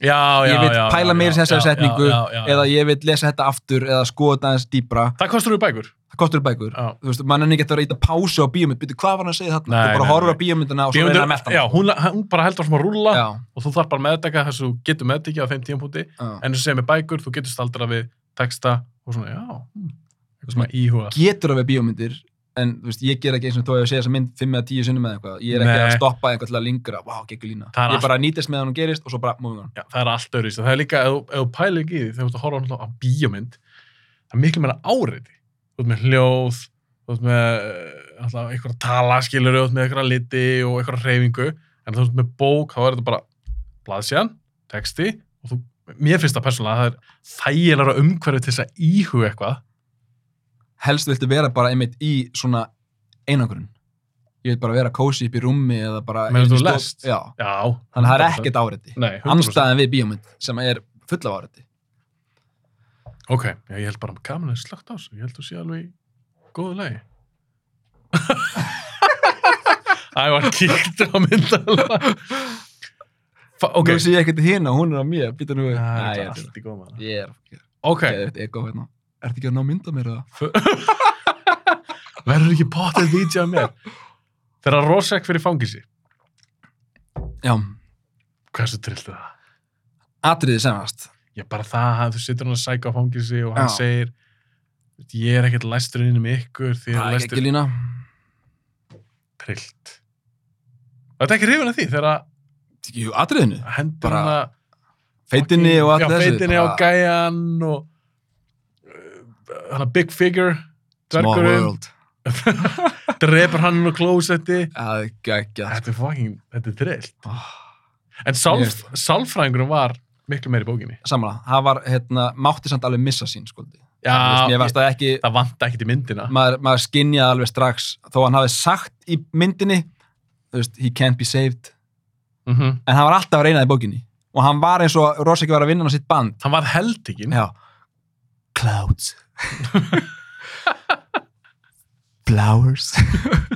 Fólk er bara að hlusta á hvað hann að tala um. Hvað- Já, þú veist, þegar hann segja þetta við Roseki ímyndunum skilur já, ég mitt en, en þú veist, í bókinni þá var eins og þú veist, þó hann veri síndur í bókinni sem algjörlega bara hérna sviplaus sociopati sem hann kannski er þá var eins og hérna Gaurin var, hafi verið að kaupa það að mér fannst. Já, var alltaf að reyna að bjargunum en í, bók, í myndinni sagði hann bara eitthvað, he can't be saved bara til að slaufa honum út úr myndinni sko. e, e, hann koma reyndar aftur í hérna, þegar Doomsday var að koma þá var hann að missa rosa hérna, myndina sínar eins og í bókinni. En það er algjör óþarfi ég, ég hef gert það líka ég, ef ég hef verið aðlaga bókina ég hef kvætt þetta út fyrst.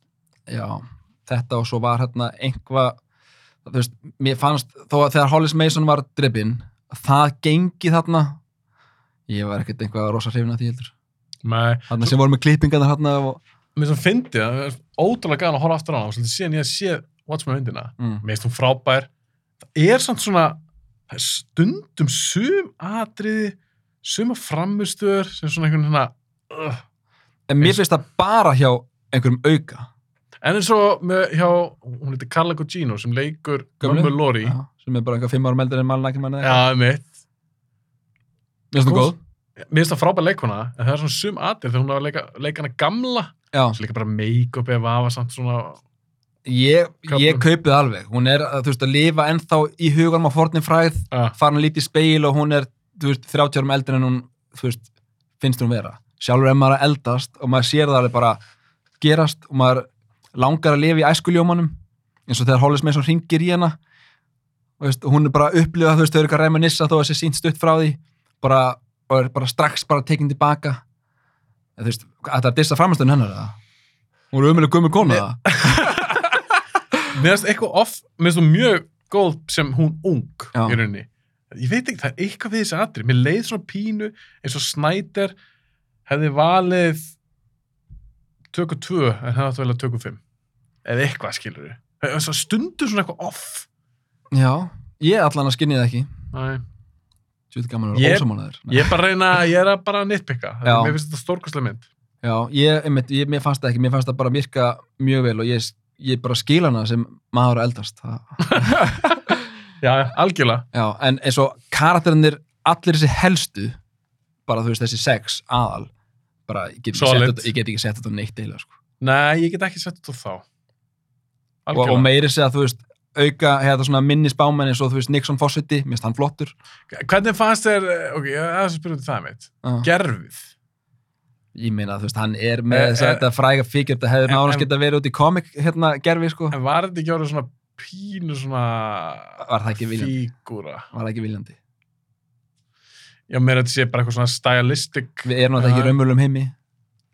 Nei, nei. Æ, ég veit ekki, ég trublaði mig allan ekki neitt og mér Mér finnst það svolítið yktur út. af það. já, eins og það trublaði mig ekki. Nei, nei, ég minnst það drastlmynd út af þessu. Bara. Förum, svo þetta var ekki 5 klukkutíma þáttur. Mm. Mér langar að, mér langar að fara bráðum í seríuna. Er, er eitthvað svona í sambandi myndina sem dettur í hug svona sem þú vilt nefna? Svona í Hmm. lokin á þeirra umræða því ég er mjög spenntur að fara í seríuna. Já, ég veit ekki, það er alltaf, þó við sem farnir yfir í seríuna, þá getur vel verið að við möttum að hoppa Já, já, tilbaka, sko. En bara, þú veist, bara gaman að ræði þessa karaktera svo mikið. Já, nokkra Þú veist, við erum ekki sem að tala mikið um Ozymandias, þannig séð. Nei, en málega er, ég var að geima hann viljandi af því mér finnst að vera tölvöld starri í seríun. Já.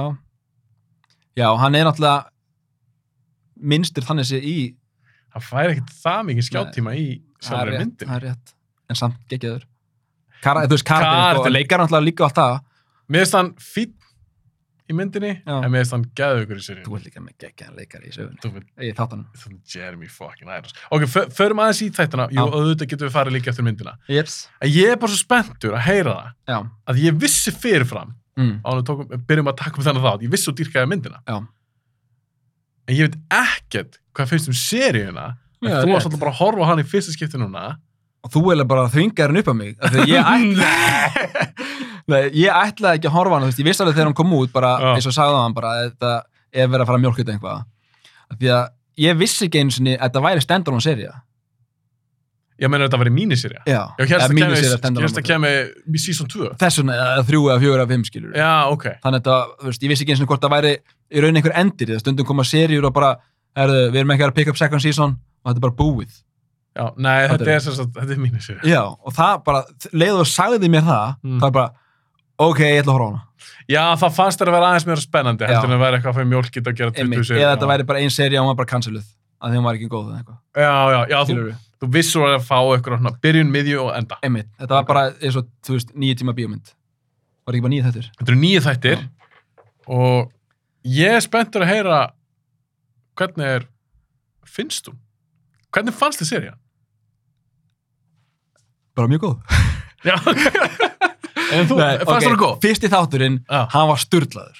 ok, Bara, þú veist, ég var að hérna peysa mig, að því að núna getur maður svo auðvitað binsað allt og þessi sér Einmitt. náttúrulega löngu komin út, þannig að ég geta bara horta á hana á einum degi ef ég netti. algjörlega. Ég tók bara einn þátt á dag í rúma viku til að svona aðeins að melta það líka en ég ætti erfitt með það eftir fyrsta þátt mér langaði bara strax að setja næsta það var svo mikið sem gerist og bara keirði bara, já, já, bara jú. keirði strax í gang sko Ég held, ég miskildi, ég held, já, þú varst að tala um henni til langa að horfa alltaf á næsta. já, Já, bara ég- ég- strax eftir fyrsta þátt bara, okkur er ég að fara að stoppa núna Já, ég held að vera, ég miskildi, ég held að vera að tala um að þú hefur fílað í bot fyrst þáttinn, svo horfa á þátt tvö og þú veist bara svona, fuck, þetta er leðilt, ég... Nei, nei, nei, nei, bara, það var eins og það var erfitt að peysa Já, sig já, í þessu, já, já. en það er ekki þar með sagt að meðast öll serían geggjuð Ok, ræðum það eins, en bara svona á heildina litið, ertu sáttur? eh, ég heildin litið já. Ok, svo ræðum það sem að þú varst ekki nóga sáttur með. já. Mér fannst það rosa gaman, því við frestum eins og þetta, ég ætlaði að setja bara fókusun á myndina, Mm. aðeins bókina, svo bara nefnaði seríuna. En ég ákvað að því við frestum þessu, mér langaði þess að preppa þáttum betur. já, Það hugsaði mér, hey, ég ætla að horfa aftur seríuna, það er þrjú ár sem ég sá hana. já, 2019 og ég- veistu það, ég var blown away. Mér finnst þetta algjört masterpiece í Aha. mér finnst hún geðveik. Ok, on the spot. Myndin eða þættinir veistu það, oh my god. Ég ég hugsaði þetta bara í dag. Ég kláraði serjun í dag, já, í annarskipti ég er ekki einu sinni frá því að ég geti sett ef þetta væri peningur, já, bara tíkall eða eitthvað, það væri bara sikkur hlið í alvöru tala ég veit ekki hvort hún eitthvað að lifa eins lengi á bókin. En það er sumt sem ég fíla betur í seríunni versus í myndinni. Ok, langaður að droppa einhverju? Já, það fyrir bara eins og Ósaman Díaz, mér finnst hann skemmtilega í seríun heldur en í heldur en í myndinni. Bæði leikarin og bara það sem karakterin er að gera. Hann fæði næstilega, þú veist, ef þú ert að bera það saman þá fær hann miklu meiri einmitt, eh, svona lagt meiri áherslu á hann. En ok, berum annað saman. Uh, Dr. Manhattan í þáttanum eða myndinni ég takk henni myndinni, en mér er samt góður í þáttunum já, já veist, en bara svona, ég er ekki að segja að þættin sem léli, sko, ég fíla Já, þættina já. það er sömt sem ég fíla ekki við þá Mm. en mér finnst myndin miklu betri enn þættinir það Hva- svona, hvað fílar ekki við þættina? að ég segja strax bara já, hvað er maður? ok, Dr. Manhattan bara drefina ég meina hvað hva það- kjafta er þetta? það, við... það virðist vera já, það virðist vera Það er líka virtist vera að hann að vera drefin í myndinni, en hann Æ, dó en ekki. veist, það var það, Ég segi svona. Böggaði það þig að, að hann hafi verið drefin? það var eitt af því sem böggaði mig Ah. bara eins og þegar við vorum með það síðast minni að tala um James Bond þú drefur ekki bara svona karakter bara af því bara, það er einhver gauð búin að hafa fyrir því að skapa hana karakter Já. ha, og gera hann ódöðlegan og svo drefur þú hann, bara einhver annar gauð bara einhver random gauð eða bara gera nýja James Bond mynd eða að gera Watchmen þætti? Ég dref bara hérna Guð almáttuðan þá hann sé. Þannig að, og ekki bara einhver, þú veist, eins og við tala um á hann og Superman getur gert það eða Batman eða með klókindum heldur bara einhverjir hillbilly rednecks. Bara fönguð með einhverju Ion-bissu eða hvað það var. Tachyon eitthvað. Tachyon, já, Tachyon Miracle. Já, Böggaði það þig. þetta er bara, þetta er bara fáránlegt Ef Alan Moore hefði skrifað þessi serju, það er ekki skrifað þetta svona nei, okay, ef, ef hann hefði skrifað eitthvað framhald ég myndi fyrirgefa það Af því hann bjóð hann til. hann bjó hann til, hann á hann karakter ef að Ian Fleming hefði drefið Bond, þá bara herðu bara more power to you, skilur eða þú veist hérna J.K. Rowland að drepa Harry Potter eða hvernig sem að hún vildi drepa Þetta böggaði mig ekki, af því að mér veist það skemmtir í pæling, mm. Að það er í rauninni þetta snýst síðan um í lokin. Að það, þá erum við hópa fólki, eða tvær hliðar, sem er að að ná í kraftana hjá Dr. Manhattan. Mm. Þannig að þá, þá getur maður að fara að velta fyrir þessari spurningu að John Osterman var það rétti maðurinn fyrir, fyrir þessa krafta. Væri þessi kraftar betur nýttir annar staðar? Eða væri þetta alls ekki mannski sem vilt að fengi þessa krafta? Mér varst það skemmtileg pæling. Þannig að verður verður að drepa hann. Já, það ekki. Jú, ég veit, þú veist, ég veit ekki, með ekki vera tveir Dr. Manhattan eða? En okkur fyrir utan það, þetta gerist bara alveg í blá lókin. Já. Þú veist, finnst þá resting geggjuð, var það bara þetta, eða var eitthvað annað, var eitthvað karakter sem buggaði þig? Nei, það var bara allt ógeðslega nett varandi karakterdóti líka, þú veist, allir sem voru hérna, uh, þú veist, úr myndinni, þú veist, þessi original karakterar, Laurie, Blake, Fannst þér ekki gaman að sjá þessa karakter 30 ára senna? Jú. og þú veist, bara hún búin að taka upp nafnið Laurie Blake. Já, mér finnst það það bara, ég var bara svona, ok, Áhugavert, nice, hún er búin að taka það allt í sátt og, Mhm. og svo leiðis. Og hérna, Vinnur í FBI, er að góma svona... Vigilantes. Vigilantes. Já, en það, var smá ólöglegt. skrítið einhvern veginn, emitt, þó að það mitt sé ólulegt, þá er það, þú veist, þetta varst þú. Já, en ég tólka, veistu hvernig ég tólkaði það? Mm. Það er þessi ástæður ég bara, mér finnst það bara eiginlega masterpiece þessi serja. Mér finnst það ná, Damon Lindelof sem skrifaði þessi þætti, Já, mér finnst það ná, á náttúrulega öðrum en hann var aðalgæðin, mér finnst það ná veginn að gera, mér finnst allt áhugavert, það sem allir þessi karþóru gera, eða það sem Ósama Díaz er að gera í seríunni. Mér finnst áhugavert hvað mann hattan er að díla við, mér finnst áhugavert með þessa nýju karþra, mér finnst það ná að skapa rosalega gott, heilstift verk. Út með frá, gott, já, út frá bókinu. út frá bók Já, sem er dyrkuð og í 90% tilhuga þá hefði þessi séri að verið drastl já, en hún var það ekki nei. En akkur hann ekki bara sleppt í að drepa hann og fundir hann að... ok, Nei, við, við, getum já. alltaf ekki bara, við getum ekki hengt okkur Nei. á það þú varst ekki ánað með það, Nei. það er allt í góðu Ok, förum bara þá hérna, yfir í hérna, einhver aðra karaktera, eins og til dæmis hérna, þegar Lori Blake er að tala við Looking Glass, uh, Mirror Guy. Ógeðslega peinandi. það sorry, er svo fyndið, sorry, sorry. ég, ég kláraði ekki pointið mitt Hvað fyrir við ekki? varum talað- við varum talað um hún er FBI Já, það buggaði mig ekki því ég tólkaði þannig eins og þá fær hún að vera ennþá aðeins í þessum bransa hún hún er að vera með annan fótinn hann hún er reyndar að góma þá en hún er svona aðeins í þessu já, kannski. Þú mátt úlka þannig, þú vilt. takk Já, mér fannst hún alltaf að vera ansi hörð á þá, sko, með að við að hún væri. Æ, hún var ennþá að góma vondukattan, þetta meina það. nei líka bara hún var, líka, hún var ekkert að góma hva, hvert sem er það var alltaf eitthvað svona kostjúmdót sem hún var eftir Mm. ég sá ekki fyrir mér já hún hún var svolítið eftir að sleppa alveg. Já, af því hún er ekkert að stopna bakari eða eitthvað skilur okkur fór hún í þetta? Opna bakari. Já, ok. En hérna, svo var, hérna, við tölum á hann með, hérna, Night Owl. já, Hann var náttúrulega ekki í þessari séri. nei. Ég og við vorum, vorum að segja að hann væri svona sísti kannski ég karakter saknaði þess ekki mikið. Nei, það kom ekkert að sög mér varst Looking Glass skemmtilegur en Night Out Ég hefði ángríns vilja fá meira með Looking Glass. Geðuguleikari og fucking og þessi gríma var fucking svöl. Já. Og, og, og rauninni bara, þú veist, ef við setjum hann að gera bara ofurkraftanir hans. Það sem hann bara, þú veist, gætt bara lesið fólk algjörlega. Já, mér gasta eiginlega ekkert logið á hann Nei, þú veist, þessi, þessi seria þú veist, eins og ég var hrættur við að þetta er mjólkað mm. hún hefði alveg geta verið sko, fimm þætti lengri þar sem við varum farið ítalega í manneskjöndar eða þú veist, personunar og ég hefði kyrta þú veist, það var gert náttúrulega með hérna Húri Justice. Geggjaður þáttur. By far besti þátturinn. Að mínum að já, það er svona ógeðslega gana mann hatt á þættinum næst síðast þátturinn fáum að sjá í rauninni hans sögu þannig að hitta hann á barnum og allt það. Þegar hérna, þau eru back and forth hérna með hérna nunnunni hérna. Nei, eh, nei þess- þegar Angela Já. Er í Vietnam hann Já. hittir mann hattan fyrst allt það er er unni heill þáttur þar sem við fáum að sjá svolítið söguna sem hann hattan já, þegar hann skapaði lífið á Europa og allt það dótt sko.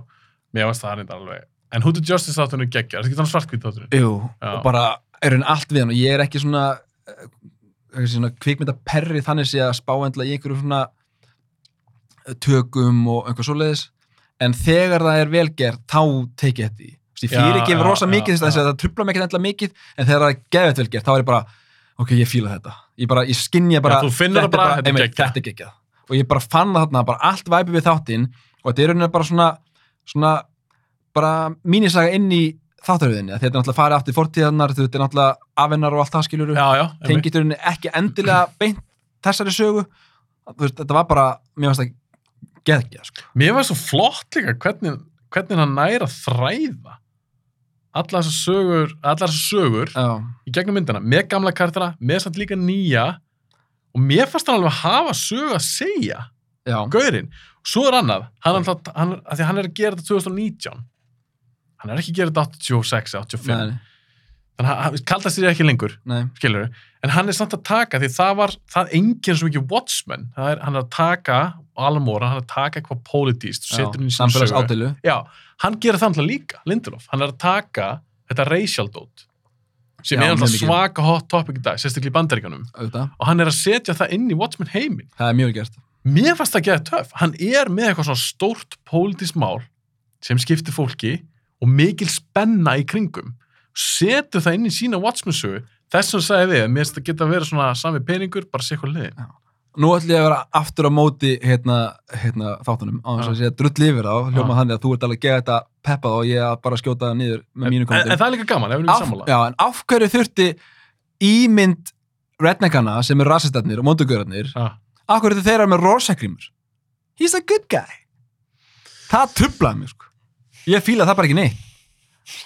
Að ég bara fíla rosak. Ah, hann er með góðan ásetning, Mhm. þeir eru bara með vondan ásetning. Þeir eru bara rasistar.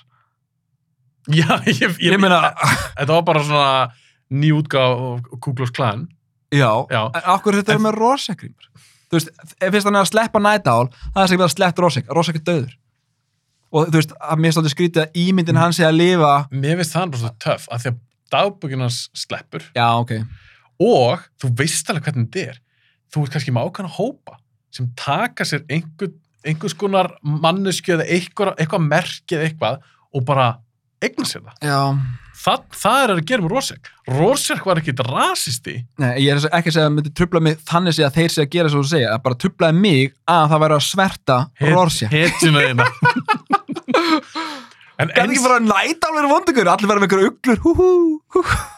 en, það, já, en það er aldrei talað um að Rorschach hafi verið vondugurinn þeir taka bara hans Þeir taka grímuna, skilur, líka- það tala um, þú veist, Rorschach grímur og allt það. þeir hafa líka bara miskila þessa dagbók Já, getur vel verið. það er málið, að þegar þú pælir í þessu allt þetta Þú ert að fríða mig hérna bara. Þeir eru búið, æfa, Rorschach er góð. Nei, þetta er svo ég las viðtal við Damon Lindelof hann, hann voru eitthvað sem gaggrundið með þetta hann fyrir það, okkur eru þeir að taka Rorschach og gera eitthvað svona blá blá Ok, hann sagði hann dó fyrir 30 árum Rorschach ræður ekkit hvernig menn taka hans orðum eða, og ef þú líka pælið þig, um þið lesa dagbók eftir hann, bara döðu texti.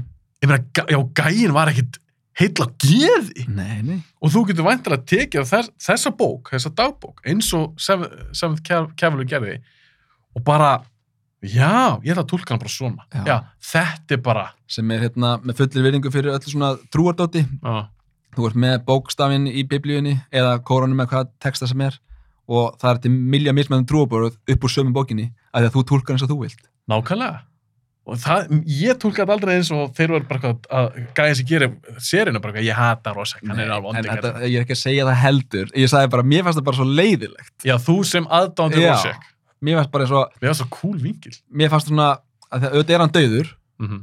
en það var svona synd að hann verið að, þú veist, taka hann tilbaka sem, þú veist, hetju vondukallana og svo bara dottum hann hann drefin. Þetta tvennt trublaði mig mest. uppbóðskarðan líka úr myndin bara eitthvað, það bara, ok, búið að drepa hinn og að fæða hinn tilbaka sem einhver rasista fóringja. en nýju kartanir Það, þetta var samt geggjur sagan svo segir fyrir ekki með hérna, bara strax í byrjunni, fyrsta hátin er geggjaður, hann bara húka maður alveg. hann Don Johnson að leika hérna og Johnson geggjar og vá hvað hann geggjaður. Og svo bara strax farin í, í fortíðina hans og bara, þú veist, hann að enda bara þættin í tré, þáttin í tré og maður bara, eins og segi, það var mjög erfitt að ég ekki að playa næsta. Þetta er ekki, nei, ég ætla bara að spyrja út í þessu nýju kartara því að þú, þú varst pyrraði kannski út í að taka svo gömlu mm, gera eitthvað sem þú varst ekki að fíla. Það er erfitt að gera það en þess að nýju, ég meina það voru nokkru nýju kartana eins og Angela Eibar, Ég fíla hana, þú varst með ég fíla hann í bót, þú varst með náttúrulega Looking Glass. Fíla hann. ég fíla hann í bót, bót líka. Og þú varst með Will Reeves Who Did Justice, hann náttúrulega var engin karakter Já, já, já, já, en, en, en það, hann er samt til, sko. Hann er til, Það var með þess að í hliðarsögunum í bókinni Já, þú veist, þegar ég Hollis Mason að lesa allt sem hann er að skrifa, sem er náttúrulega geggja að hann sé að skrifa þetta allt í bókina. já, já, ég meina, já, come on. allt side story sem maður er að bjóða upp á í, einmitt, eins og þátturinn hann. En, en, hjálp, hjálpa mér að rifja upp, var hann, var, var, var ekki alltaf lindamál hver Who Did Justice var? Uh, jú, Það kemur aldrei fram. nei, en bókinni? það var samt með þess að í að samkynniðin hans og allt, sko. Já, en, en mér var svo, bara svo geðveikt cool að því að hann er alltaf með þessa snöru. Já. Ég það er ekki rétt sem er í bókin líka. Jú, Það er búningur hans. það er búningur spara. Mér finnst það svo geggja hjá Lindelof, hann lætur þetta vera svarta mann. Já, og það len- bara lendir í, bara, ég er gæsa það, sko. Og, Ég veit það. Þetta er geggjaði þáttur, sko. Og, og maður sér að hann alltaf mála sig sem Hvítan. mann, Mm.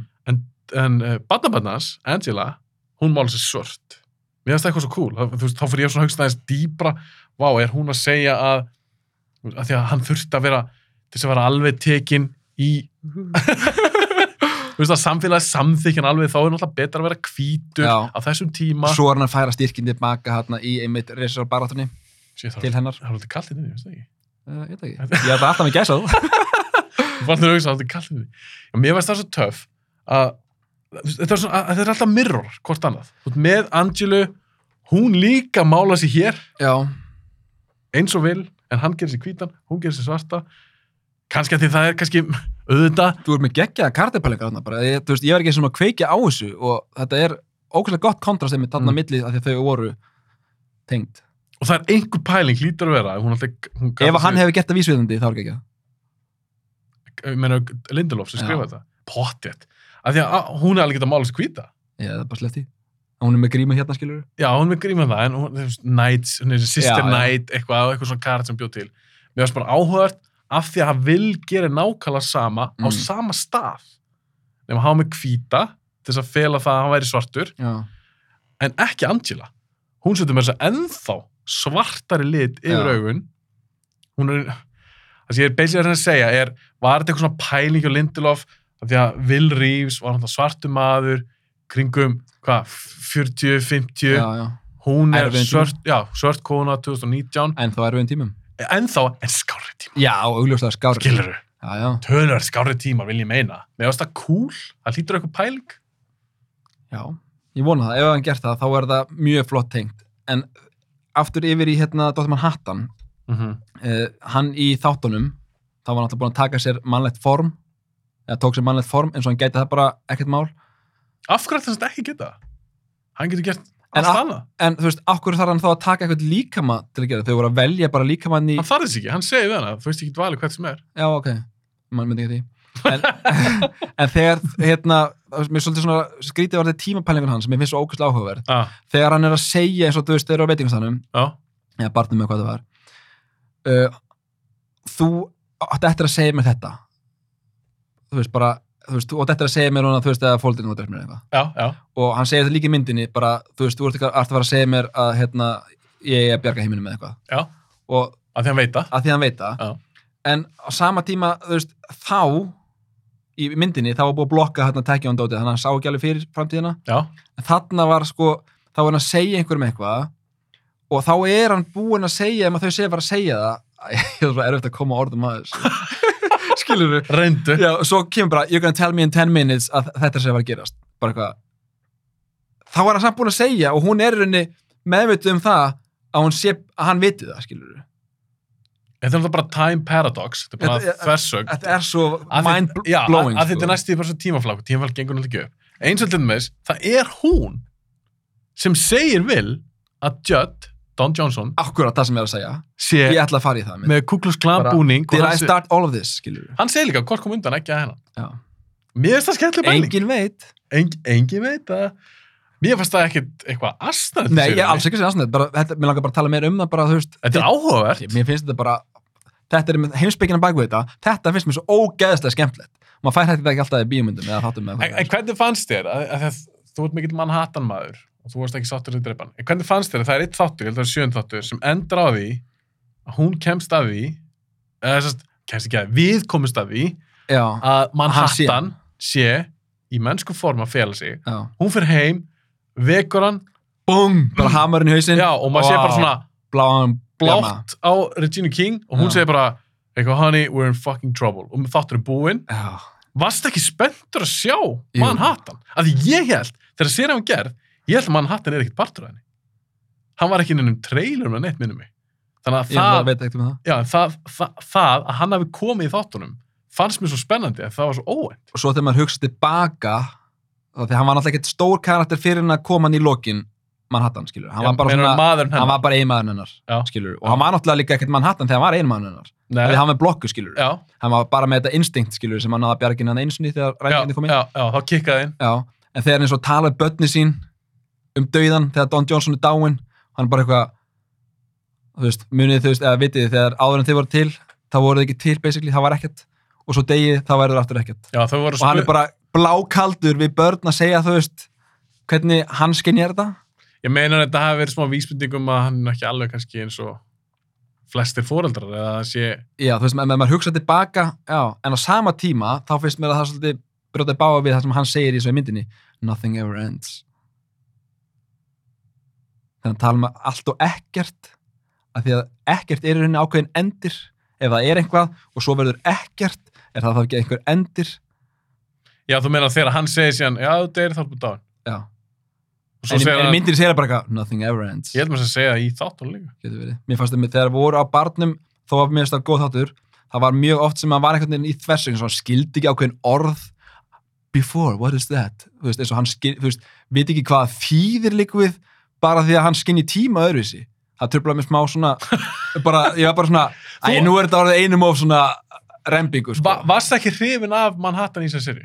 uh, jú, Le leikarnum, hans túlkun, jú, hvernig hann var það, skrifaður? mér fannst það bara svín virka sko. Já, nema náttúrulega A, hann var drippinn ok. það fannst mér bara leðilegt Já, og eins þú var svona uh, ekkert út á leikarinn að setja þetta meira svona díalókurinn sem var settur upp mér fannst það svona fannst það svolítið vera að tegja lopan þegar voru hérna á veitingastanum ég vilja kannski fá, fá meira svona uh, reminission og minna þú veist fram og tilbaka á veitingastanum þetta var svona alltaf bara svona hann eitthvað reyna hún að date og hún alltaf, þú veist, skjóta niður bara eitthvað, Já. nei, ég er ekki að fara að hitta þig aftur og bla bla bla, það var svona þú veist, það var. Nei, svona einum of, ég vil fá meira af, eins og þú segir, bara gaman að sjá hvernig, þú veist, hann fór í gegnum sitt, ég vil fá meira af því, að því ég fæ bara ekkert nóg að Dr. Manhattan. Við fórum að sjá hann gera áhugur hluti eins og hann fer uh, frá Mars fljótlega í rauninni, fólk heldur að sjá Mars en hann er ekkert þar. Nei. Hann fór bara á aðra plant og býr til paradís. Mm. Já, paradís. Já, þú veist. já, já, skilji. Hvernig- Bjóti líf. Já, bjóti líf. Hvernig fannst þér það? Það var grilla. Ég var ekki alveg að kveikja fyrst þegar ég sá það, sko. Er það talað um þegar Bara hva, hvað var að gerast? Já, það, mér fannst það svo absúrt. Er það talað um hjá þegar Ozymandias allt, öll sagan hans? Já, bara þú veist, fyrst, og ég, hérna tengdi, þú veist, ok, þetta er Ozymandias. En ég var bara svona, hvað er að gerast hérna? En fannst þér það ekki cool? Jú, ég var, ég var svo forvitin, bara, ok, ég, einmitt, Þetta var svo skrítin saga. Já, hann var bara eitthvað, bara, eins og væri bara trublaður, bara eitthvað svona servitringur, en svo var maður að segja bara, já, þetta er alltaf sama fólki sem er kringum hann bara, einmitt eitthvað, maður var ekki alveg að kveikja það fyrst, bara, var þetta ekki sami guður á hann, hann Mhm. kallaði hann einhverju öðru nafni eða hvað er, þú veist, ekki alveg að kveikja, það var allt mjög brútal. En fannst það ekki skemmtileg saga? Jú. Hann er bara, hann En fer á blá... þetta er grillað, en mér fannst allt svo mikið í takt við karakter. Því að hann eftir Watchmen myndina, og þetta er þessi, 30 ára setna, eins og þú nefndir á hann, hann er búin að að viðhalda þessu, Er bara hann kúkú, sko. já, er að senda eitthvað svona, eitthvað litla kolkrabba, mini-squids, eitthvað smokkfiska eða hvað þetta er. Dundra þeim eitthvað randomly bara til þess að minna fólk á, Já, hei, það er ennþá óknirna út í hinni Já. vítinni. Það er bara hans æfið starfi. Hann hangi bara hann á suðuskötunu. Ég geti kannski ekki að gera svona. hangir hann, býr bara hann í Karnak, þar sem hann var, við fáum að sjá hann í myndinni. Svo kemur Manhattan til hans og hann lætur hann fá hennan memory blocker, þegar Manhattan vil verða í rauninni mennskur. Og hinn býður hann basically að fá að fara Já, bara vil, já, af því að hún varst að hljóma svo paradís. því að vera guð, sko. Já, að vera dyrkaður. Já. Að hann fólki. fekk aldrei það á jörðinni. Hann fekk aldrei kredit fyrir það sem hann gerði. Hann mátti heldur ekki fá það.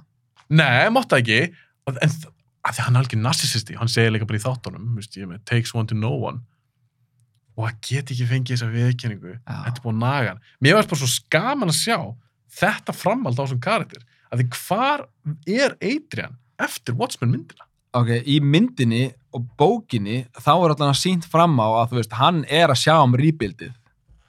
Já, veist, að endurbyggja bara Adrian White á öllum byggingagrunum og allstað og, og hann er alltaf að skaff, já, fyrirtækin, þú veist, bara að afla honum tekna, þannig að hann getur lengt að verið ofnbæð persóna. Hann þarf ekki alltaf bara að vera á heimskautinu.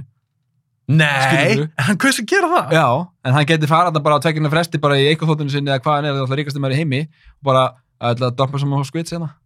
Gæti það alveg. já, já, svo sem gæti alveg en ég held líka bara að þessi atbyrður hafi fokka honum upp Já. Eðlilega Eðlilega. Þetta er alltaf svag, það er eitt að segja það And world's að smartest man.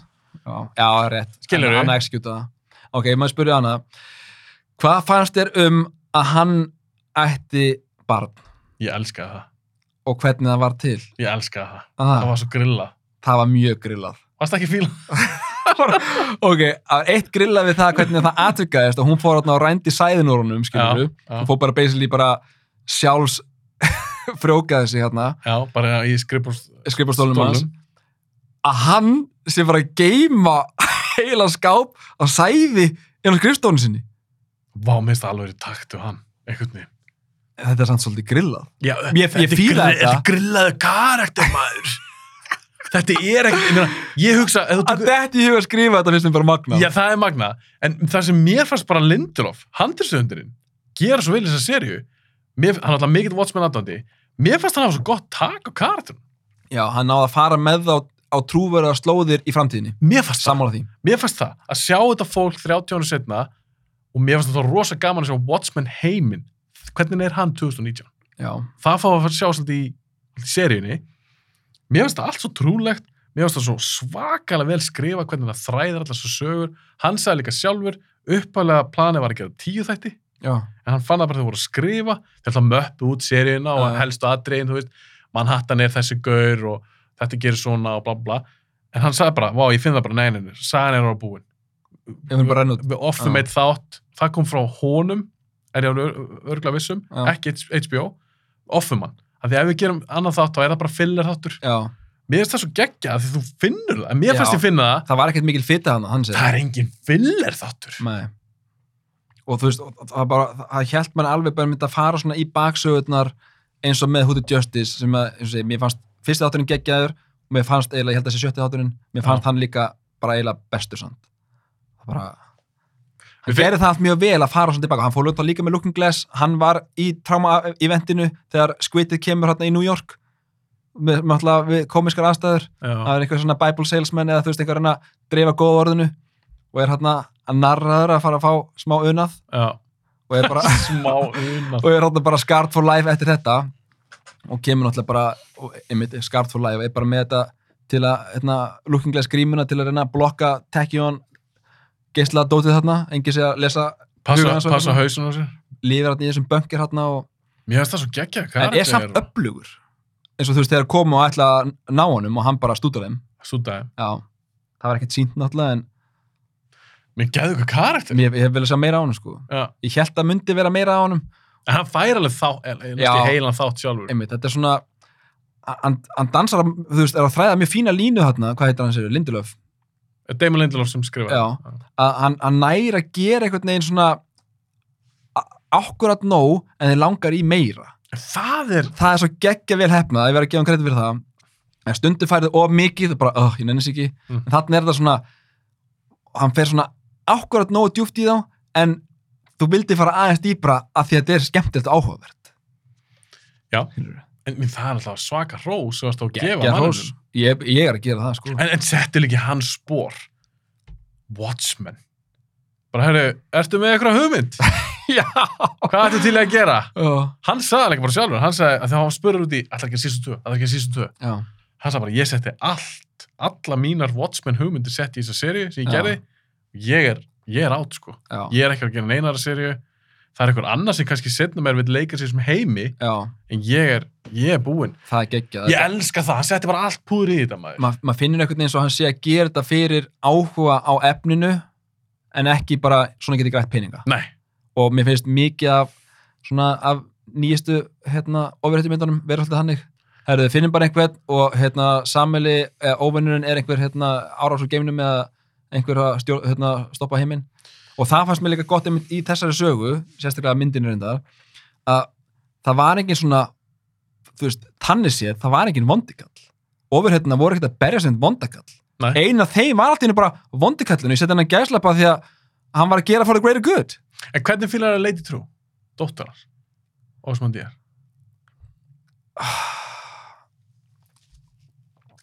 ég veit, það er, það var svolítið grilladæmi Mm. ég var svona, ég var ekkert að kveikja alltaf fyrst, skilur Þegar hún mætar sveitabæin Já. og það er gæðveikt atrið. það er ekki aðri og fólk bara færa batni í hendurnar Bara ég vil kaupa bústæðin ykkar Bara, og, og bara land, landið ykkar. Ég er ekki að bjóða okkur pening. Nei, nei. Ég og veit að hérna bat, þeir, þeir eru degast batt fyrir tíu árum. Herru, ég er batnandi ykkur sem Já. ég bjóð til. takið þau ekki bara það bara fargaði því Já. hún var brútal sko Já, hún er þetta grínast með það. Hún sagði, ég er að djóka, ég finnur eitthvað annað heimil fyrir batnið. Kemur með batnið og bara, herru, þið hafa ákveðin tíma að... þetta er genin ykkar bara, bara Þetta þetta, er- bara batni ykkar þetta, Og svo bara hvernig það endar, svo kemur, svo alltaf er eitir hann að lenda. Þetta er hann sem er að lenda þess vegna vildu kaupa landið. já, Skilur það því að, herru, ég og þetta. Er ekki, það er ástæðan, að lendir eitthvað geimnum. já, hann, var- var að koma með hann heim hún náði hann Já, já, er það ekki ástæðan að vildu kaupa landið þeirra? uh, Það er það lent á landinu þeirra, þá getur þau náttúrulega ekki þóst, ef ég við um þetta, þetta er landið okkar. Já, Já, það var alltaf kifti landið. en það var svona uh, mínum að þið skipti það sem er rauninni ekki máli þetta meira svona að steflisa hversu dominant hún var Já, algjörlega. þannig að þú veist Þú varst ekki hrifin hva- henni? að, Jú, ég var hrifin af henni mér fannst bara svona að ég veit það ekki Var þetta of áter fyrir þið, þessi serja? Eins og Ósama Díasagan og Nei, þetta, hún að klóna mömmu sína. já, þetta var allt mjög grillað náttúrulega með að við, þú veist svona, ef við leið mér að segja straight forward bókina Mm. þetta var svona miklu meira svona abstrakt einhvern veginn sem ég skrítið að segja við ofurhetju efni en já, ég veit ekki þegar, þegar svona, hún var að fara að ná eða reyna að ná, þú veist, kröftunum og Dotman Hattan og eins og þú talar um áðan hver áirunni skilið að rétt á að hafa þessa krafta það fannst mér svolítið góð pæling þú veist, þeir voru hérna vondur rassistarnir að reyna að öðlast krafta, Og þú Og ekki að þeir sem að alls ekki en hún þú veist, einmitt, narcissisti Segist alltaf að bjarga heiminum. já, hún einmitt er að predika gott en hver er að sjá í gegnum það, skilur við Mér fannst í rauninni bara... það áengin að hafa hennar kraft var basically verið að segja Það er málið. Já. Það er svarið. Þú veist, hver að hafa hana kraft? ég? Enginn á að hafa hana kraft. Nei. Því það er enginn sem getur nýttan og gert eitthvað gott. Eins og að tala alltaf um absolute power corrupts absolutely. absolutely Það er pointið. Það er það sem að Lindelof er byrjað að segja í lokin. Það er enginn sem áverðum að krafta. Já, og þá ætlum ég bara að svara spurningunni sem spurður á hann var John Osterman rétti görn að fá sér krafta já, Menur það því að hann, hann gerði samt ekkert. Nei en hann var heldur ekkert að interfýra á bara þú veist, fólk að hérna, þurfa að láta stjórna sér enda laust, þú veist, ef við erum papps on a string, skilju, langar okkur að vera það viljum við ekki reyna bara að gera það sem við, þú veist, viljum já, gera já, en að sjálfsögðu, þú veist í góðum tilgangi, ég er alltaf að meina þannig, fattar du Já, þú veist, við erum að tala um viljum við ekki alltaf hafa frálsam vilja. Einmitt. Hvort sem hann sé til eða ekki. Illusion eða frálsum vilja er alltaf sem að, þú veist, fólk vill hafa. Þú veist, nema þú náttúrulega, þú trúur örlögin. Og... En það er alltaf, kannski, já, ný, ég, ég, veist, ég er alveg opið fyrir því að skipta Ég um veit, þú veist skoðun. það ekki, en... En það er auðvitað ákveðin þægindi sem samt fylgja því, ef að þetta er allt fyrir mér ákveði. Ákveðin þægindi. Já, en ég er að segja, fólk, Ok, ég ætla að setja þetta bara og ég býð eftir... ég er alltaf að lifi lífinu mín, lífinu mín ekki þannig að ég er bara eitthvað, eh, ég þarf ekki að gera þetta, eða ég get gert bara svona, þetta er allt fyrir frá ákveði. Ég er ekki að tala um það, en ég er bara að tala um kannski margir sem trúa á það. Eins og til dæmis bara að trúa á Guð. Já. Það er ákveðin þægindi sem fylgja því, Já. eða trúa á Þetta er svona að vera svona s- seðja einhvern óta Nákvæmlega. framhalslífa Já. sé yfirvándi Þér finnst þægilega að hugsa til þess, það er einhver þarna Já. sem er að passa mig. En þá er mitt hérna, Dóttar Manhattan aftur eins og á hann í þversögn að hérna, nothing ever ends en svo bara döður átt bara ekkert. En svo er náttúrulega, að það er samt þetta að fara rauk fyrir því, að þetta var ekki hann sem sagði það. Þetta var Calvin. Já, það er reynda góðu punktur af því að hann var búin að blokka sjálfur sig þar. Vá. Ok, fíla sér nær betur núna. Þú veist þú. Já, Við erum samt aðeins að koma að því að því ég var að sjá hann í annarskipti. Búin að sjá seríuna. Mér fannst þú mjög góð. Bara, vá, þetta er geggjur seríu. Þegar ég sá hana fyrst. Þegar ég sá hana núna, þreifar ára setna, já. En það betri. mér fannst það. Mér fannst það bara geðvik. Ég, Ótil hvað að náða afreika. ég hef mjög sjaldan endur hort á serjur. Þú veist, nema eitthvað svona stöku sitcom þætti, það sem maður bara getur henda á, þú veist, 20 mínútur bara fyrir háttinu eða eitthvað svona. Uh, nema Dexter endar, tók það í hérna COVID, tók ég nokkra serjur, Mhm. sem er gott fyrir þáttin kannski. Við erum að gera Dexter við Dexter. Já. Ef, þegar, þegar við gerum hann en ég gæti alveg hérna, af því að ég elska þetta efnin svo mikið Já. ég gæti alveg tekið þetta aftur melta þess núna, sérstaklega búin að taka þetta upp og tala svona mikið um þetta Já. þá svona langar mér svona horfa þetta aftur Ég meina, ég myndi að þetta sem bara fimm ár. Já. Þú sem er, mér langar að horfa Watchmen aftur. ég er með bara strax í kvöld Ég meina, horfa á myndina, já, heldur mér ekki kýtlaði smá af því að serían, sérst kýtlaði smá að horfa aftur seríuna, af því að þetta er náttúrulega framhald. Að þú takir bara, jú, ég kannski tek seríuna. Ég fann það sjálf mér, ég hugsaði með mér, ok, ég horfa seríuna fyrir podcasti, já, bara sem svona rannsóknar vinnu, bara ég þetta ég það þegar þátturum byrja, og svona tónlistin frá Trent Reznor og Atticus Ross er geðvikið sér seríu. Já, og mér finnst líka tónlistin í myndinni bara styrluð. Öll lögin sem er með á þessari periódu. En ég er Ah. þannig að það er sérst að skor Já, saman eftir fyrir- meina sérst, já, já, já, skorið sjálft er væpið. geðveikt. Mm. Ég fann bara sjálf að mér, þú veist, það var bara tímundur liðnar að þættinum, fyrsta. Þá var ég bara eitthvað, shit, júvel, er ég til í þetta maður? Og ég bara byrja líka Já. Bara þegar þau eru hérna, Geðveiku fyrsta þurr. já, það er bara, þú veist, þetta er bara svo full on, þú bara kerur strax í gang, ok, ég er bara að fara að fá þetta. Og það er ekkert bara stíga bremsuna neitt bara, þú bara allir fyrsti þátturinn er bara kersla. Ég veit allavega, ég persónulega hefði verið helvíti stoltur af þessu ef ég hefði skrifað þetta efni gert þess að þætti. En hvað fannst þér um, einmitt þegar var að rækta fólk hérna út í, hérna, tungli Júpiters eða hvað þetta var, Ozymandias. Gegg. Þegar hann var á bátnum og er að tegja sér hann onni að leita einhverjum, þú veist, börnum hann og svo bara henda það, það var svo brútal að sjá það, sko. Já, brútal. Þetta er náttúrulega tæknilega séð, er þetta ekki venli börn. Nei, þetta er bara, já, ok, Þetta er bara, disposable þetta er bara bodies. búið til. Erum við ekki alltaf búin til eða? Þú veist hvað ég við. Þetta var ekki, Þetta er ekki eins og, hérna, Dr. Manhattan fær við Lori á Mars, þú veist, þegar hann ákveður að koma tilbaka og bjarga heiminum, já, þegar hann fattar hversu mikið kraftaverk lík, lífið er að, þú veist, miljónum ármættir tíma voru einhverju forfeyður okkar að hittast og þessi genumblanda, þessi genumblanda, þessi genumblanda, þessi genumblanda og loksins varst þú til og ég Já. og við öll, það er náttúrulega kraftaverk í sjálfu sér, sko, magnað. en þarna var þetta bara eitthvað bara eins og blóm í vatni, skilur við bara. Ja, ná, En, en Manhattan náttúrulega gerði þetta allt. Já, ég veit það, þetta var bara eitthvað svo brútal að sjá atrið Þetta var mjög brútal. Þú sér líka að hann hendir bara eitthvað, að það er eitthvað fóstri líka einmitt, það er miklu, það er allt öðruvísi að sjá þegar hann er bara stúta öllum hérna, þjónunum sínum. En hann er þetta bara lítið barn. Og hann bara, hí, bara eins og fótbolti bara, hí, En Jeremy Irons, hann er þér mér fannst það hann geðveikur sem eitrinn veit. Væt, mér finnst það að vera, mér fannst það hann rústa hinleikurinn. Rústun. ég er saman að bæði náttúrulega sem leikari eins og tölum á hann, fær miklu meira svona dýft í karakter sinn þarna Já, þið, mér fannst það líka bara að meika svo mikið sens fyrir hann að gaur. Hann er narcissisti. Hún finnst svo leið að það ekki kredit fyrir þetta dót sem hann gerði þegar hann bjargaði jörðinni. Hann er sendur, mann hatt að segja líka við hann, vilt að ég sendi það hann? já, og spyr hann bara Og hann er bara Já. svipurinn á Irons. Ég er bara eitthvað, já, John, ég myndi svo mikið vilja það.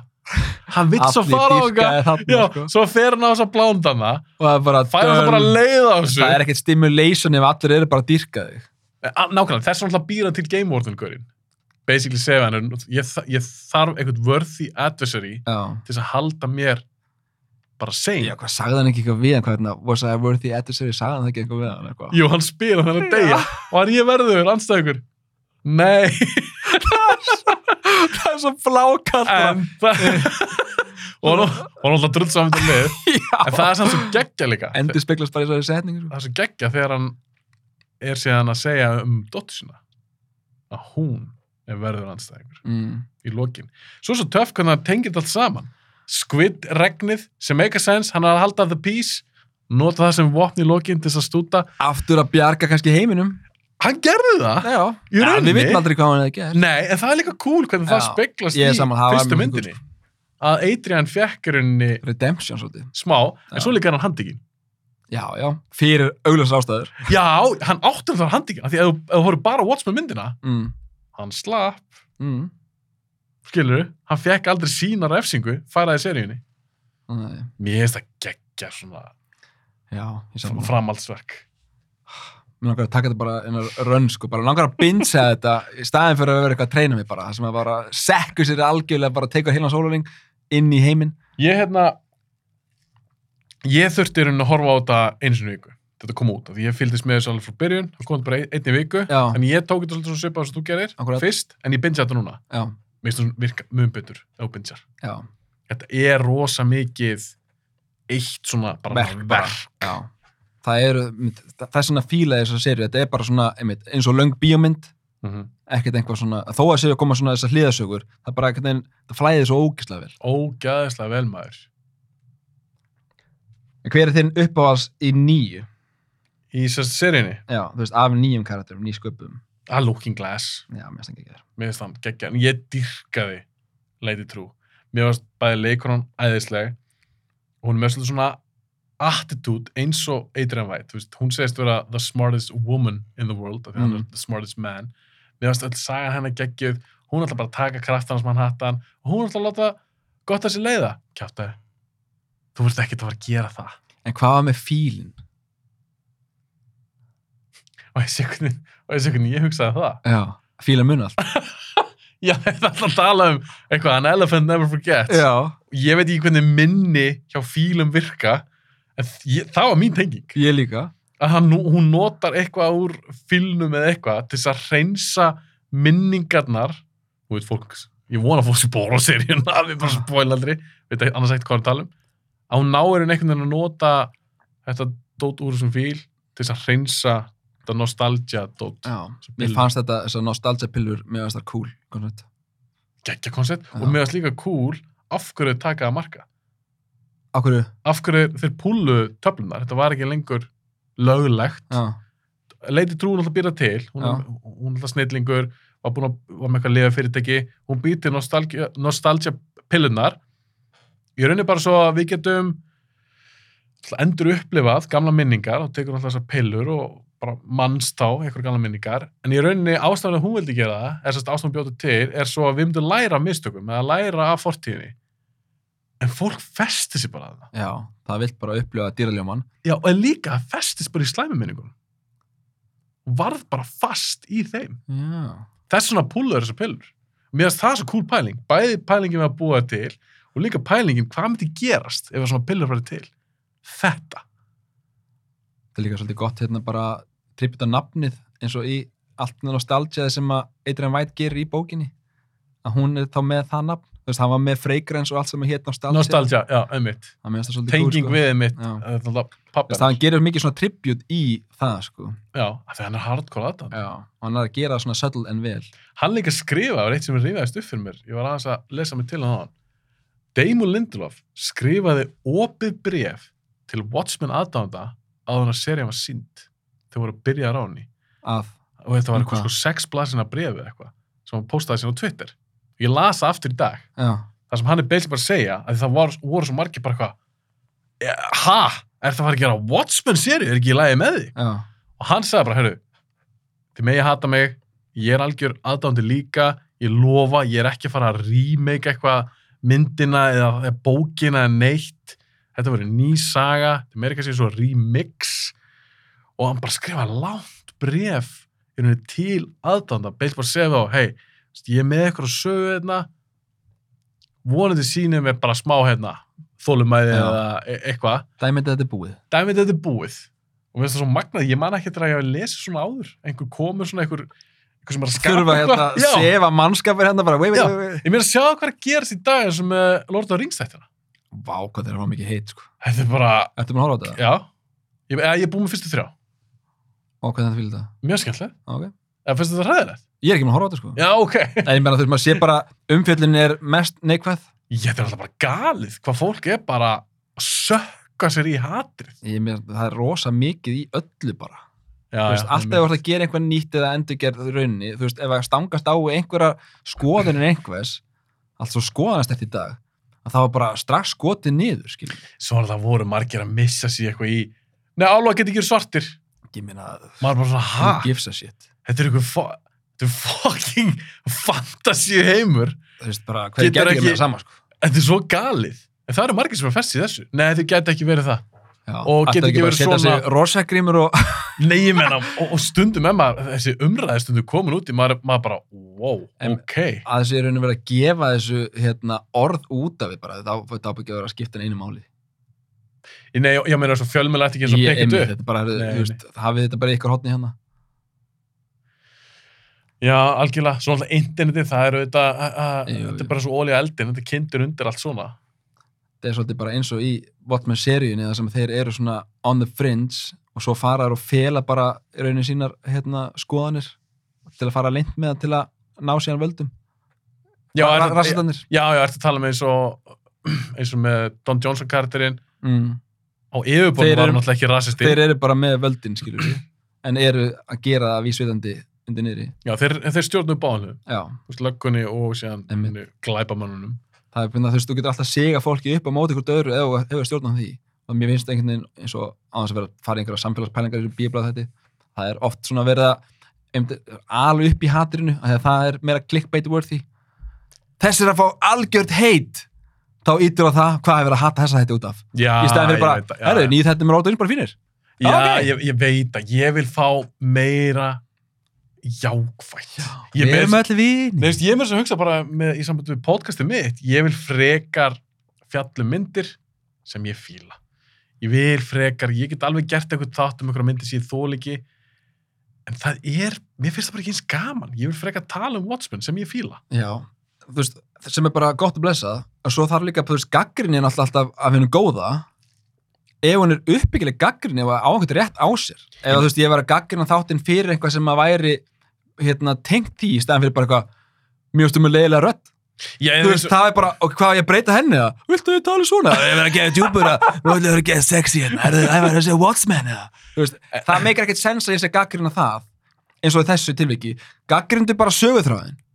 ég, Hvernig eru þættirnir byggður upp, skilur þú? Ég- Hver er framöndan? ég er að segja það og þetta er svo trikki umræðefni af því að svo má líka heldur ekki setja alla sem gaggrinn Lord of the Rings þáttinn undir einhvern rasista hatt. Nei, e- það er sem ég er að segja. skilur Ef þetta er uppbyggileg gaggrinni bara, og mér finnst eins og á hans að síða á, þessi persóna mætti vera meira þarna, eða þessi framönda meikar ekki sens, alveg svo ég fíla Watchmen þættina, en ég var alveg gaggrinni á þá, Já, mér finnst bara að skrýta þessi drepin skiptir mig engum alveg hver leikur hann eða hver gerir hvað bara, okkur þurfti þetta að vera svona? En, þú ert að gaggrina sögu framvinduna. Já, því að mér finnst það svolítið svona bara, veist, ég get ekki sagt að ég hef gert það öðruvísi, en þú veist, bara, mér fannst það bara svona leiðilegt, Já, en það er í góðu lagi það er góðlega en ef að gaggrinni snýst um að þú ert með eh, leikara sem er öðru svo litin það er bara fárlegt þú veist, maður er bara, ha, er það gaggrinin? Hver er ekki? Einmitt, það meikar ekkert sens. Bara, einmitt, það, þetta á ekki einmitt að hafa eins og orð út af bara, who gives a shit? Þetta er svona orðið, þetta er orðið gali dag. við nennum ekki að fara lengra dýpir við erum ekki að fara að lesa þeim sko. Ef við ekki bara fara að slúta þessu, oh, ég veit að þú varst með því líka punta maður, við erum svona að blara þið með tvo tíma. kannski búin að fara í allt svo sem Við fórum bara að fara með nokkuð vel í myndina, bókina, já, myndina sjálfa kannski frekar, og svo Já. þættina. Ég, er svo ánæri að horfa aftur á þá, þá get ég aðeins tala betur um þættina því að það var sund ég búin að gleyma og mér var svo gaman hvað ég var ánægð með það. Vá, þú skrifaði bara eitthvað ríkir hann síma. Já, ég bara svona, bara svona kíkja yfir svona helsta, þú veist, ég var bara svona að taka svona basically uh, karakterútrætti úr hérna um uh, já, karakterna eins og Ósi Mandi að skilja að hann sé í rauninni ekki vondikallin bara, þú veist, við erum búin að tala um þetta allt mér er bara svona að langa svona að sjá hvort það væri eitthvað sem hefur verið búin Við erum búin að snerta á ýmsu. Ég, að Já. ég er ánægð með þetta spjall. Ég er Ævar. sko, bara og búin að fara í helstu línuna, það er svo mikið ekki ekki um línum í þessu, Já. sem eru bara og auðvitað margar, eða flesta betri í auðvitað, það sem er tekið úr bókinni. Ég er ekki að fara að segja að serían sé betri en bókin, með, en ég við ekki það alveg að stílinn á sko, Zack Snyder er alveg hitt or miss leikstöri mm, hans stíl, eins og allir þetta slow motion, dot og eitthvað það voru alveg ef ég var- að nitpicki það voru alveg kaplast um í myndir sem ég sagði mér, vá, ég var alveg til til að sjá þessa mynd ykkur annar leikstöri já, við erum að fara að enda þáttinn og þú ætlar að enda bara, nei. já, bæðu við, fyrir maður sáttir í myndina. Þetta er umlega þetta, maður, okkur var ekki einhver annar að leikstir sem bara gefur út á ástæðan fór sérstaklega að minnast það eða því að við fáum það að sjá aðra sín í seríun Já, ég hefði örgulega pælt minni í þessu ef við aldrei fengið seríuna. En þarna fekk ég að sjá Watchmen heiminn í höndum annara já, og mér fannst það áhugavert og það var alveg sumt sem ég kaus frekar í seríunni versus myndinni. Já, en þá er rauninni bara sagan sem átt að tala um. Í rauninni leikstjórun skiptir að mínum að þetta ekkert öllu máli þarna af því að hann fylgir bókinni frame by frame nánast.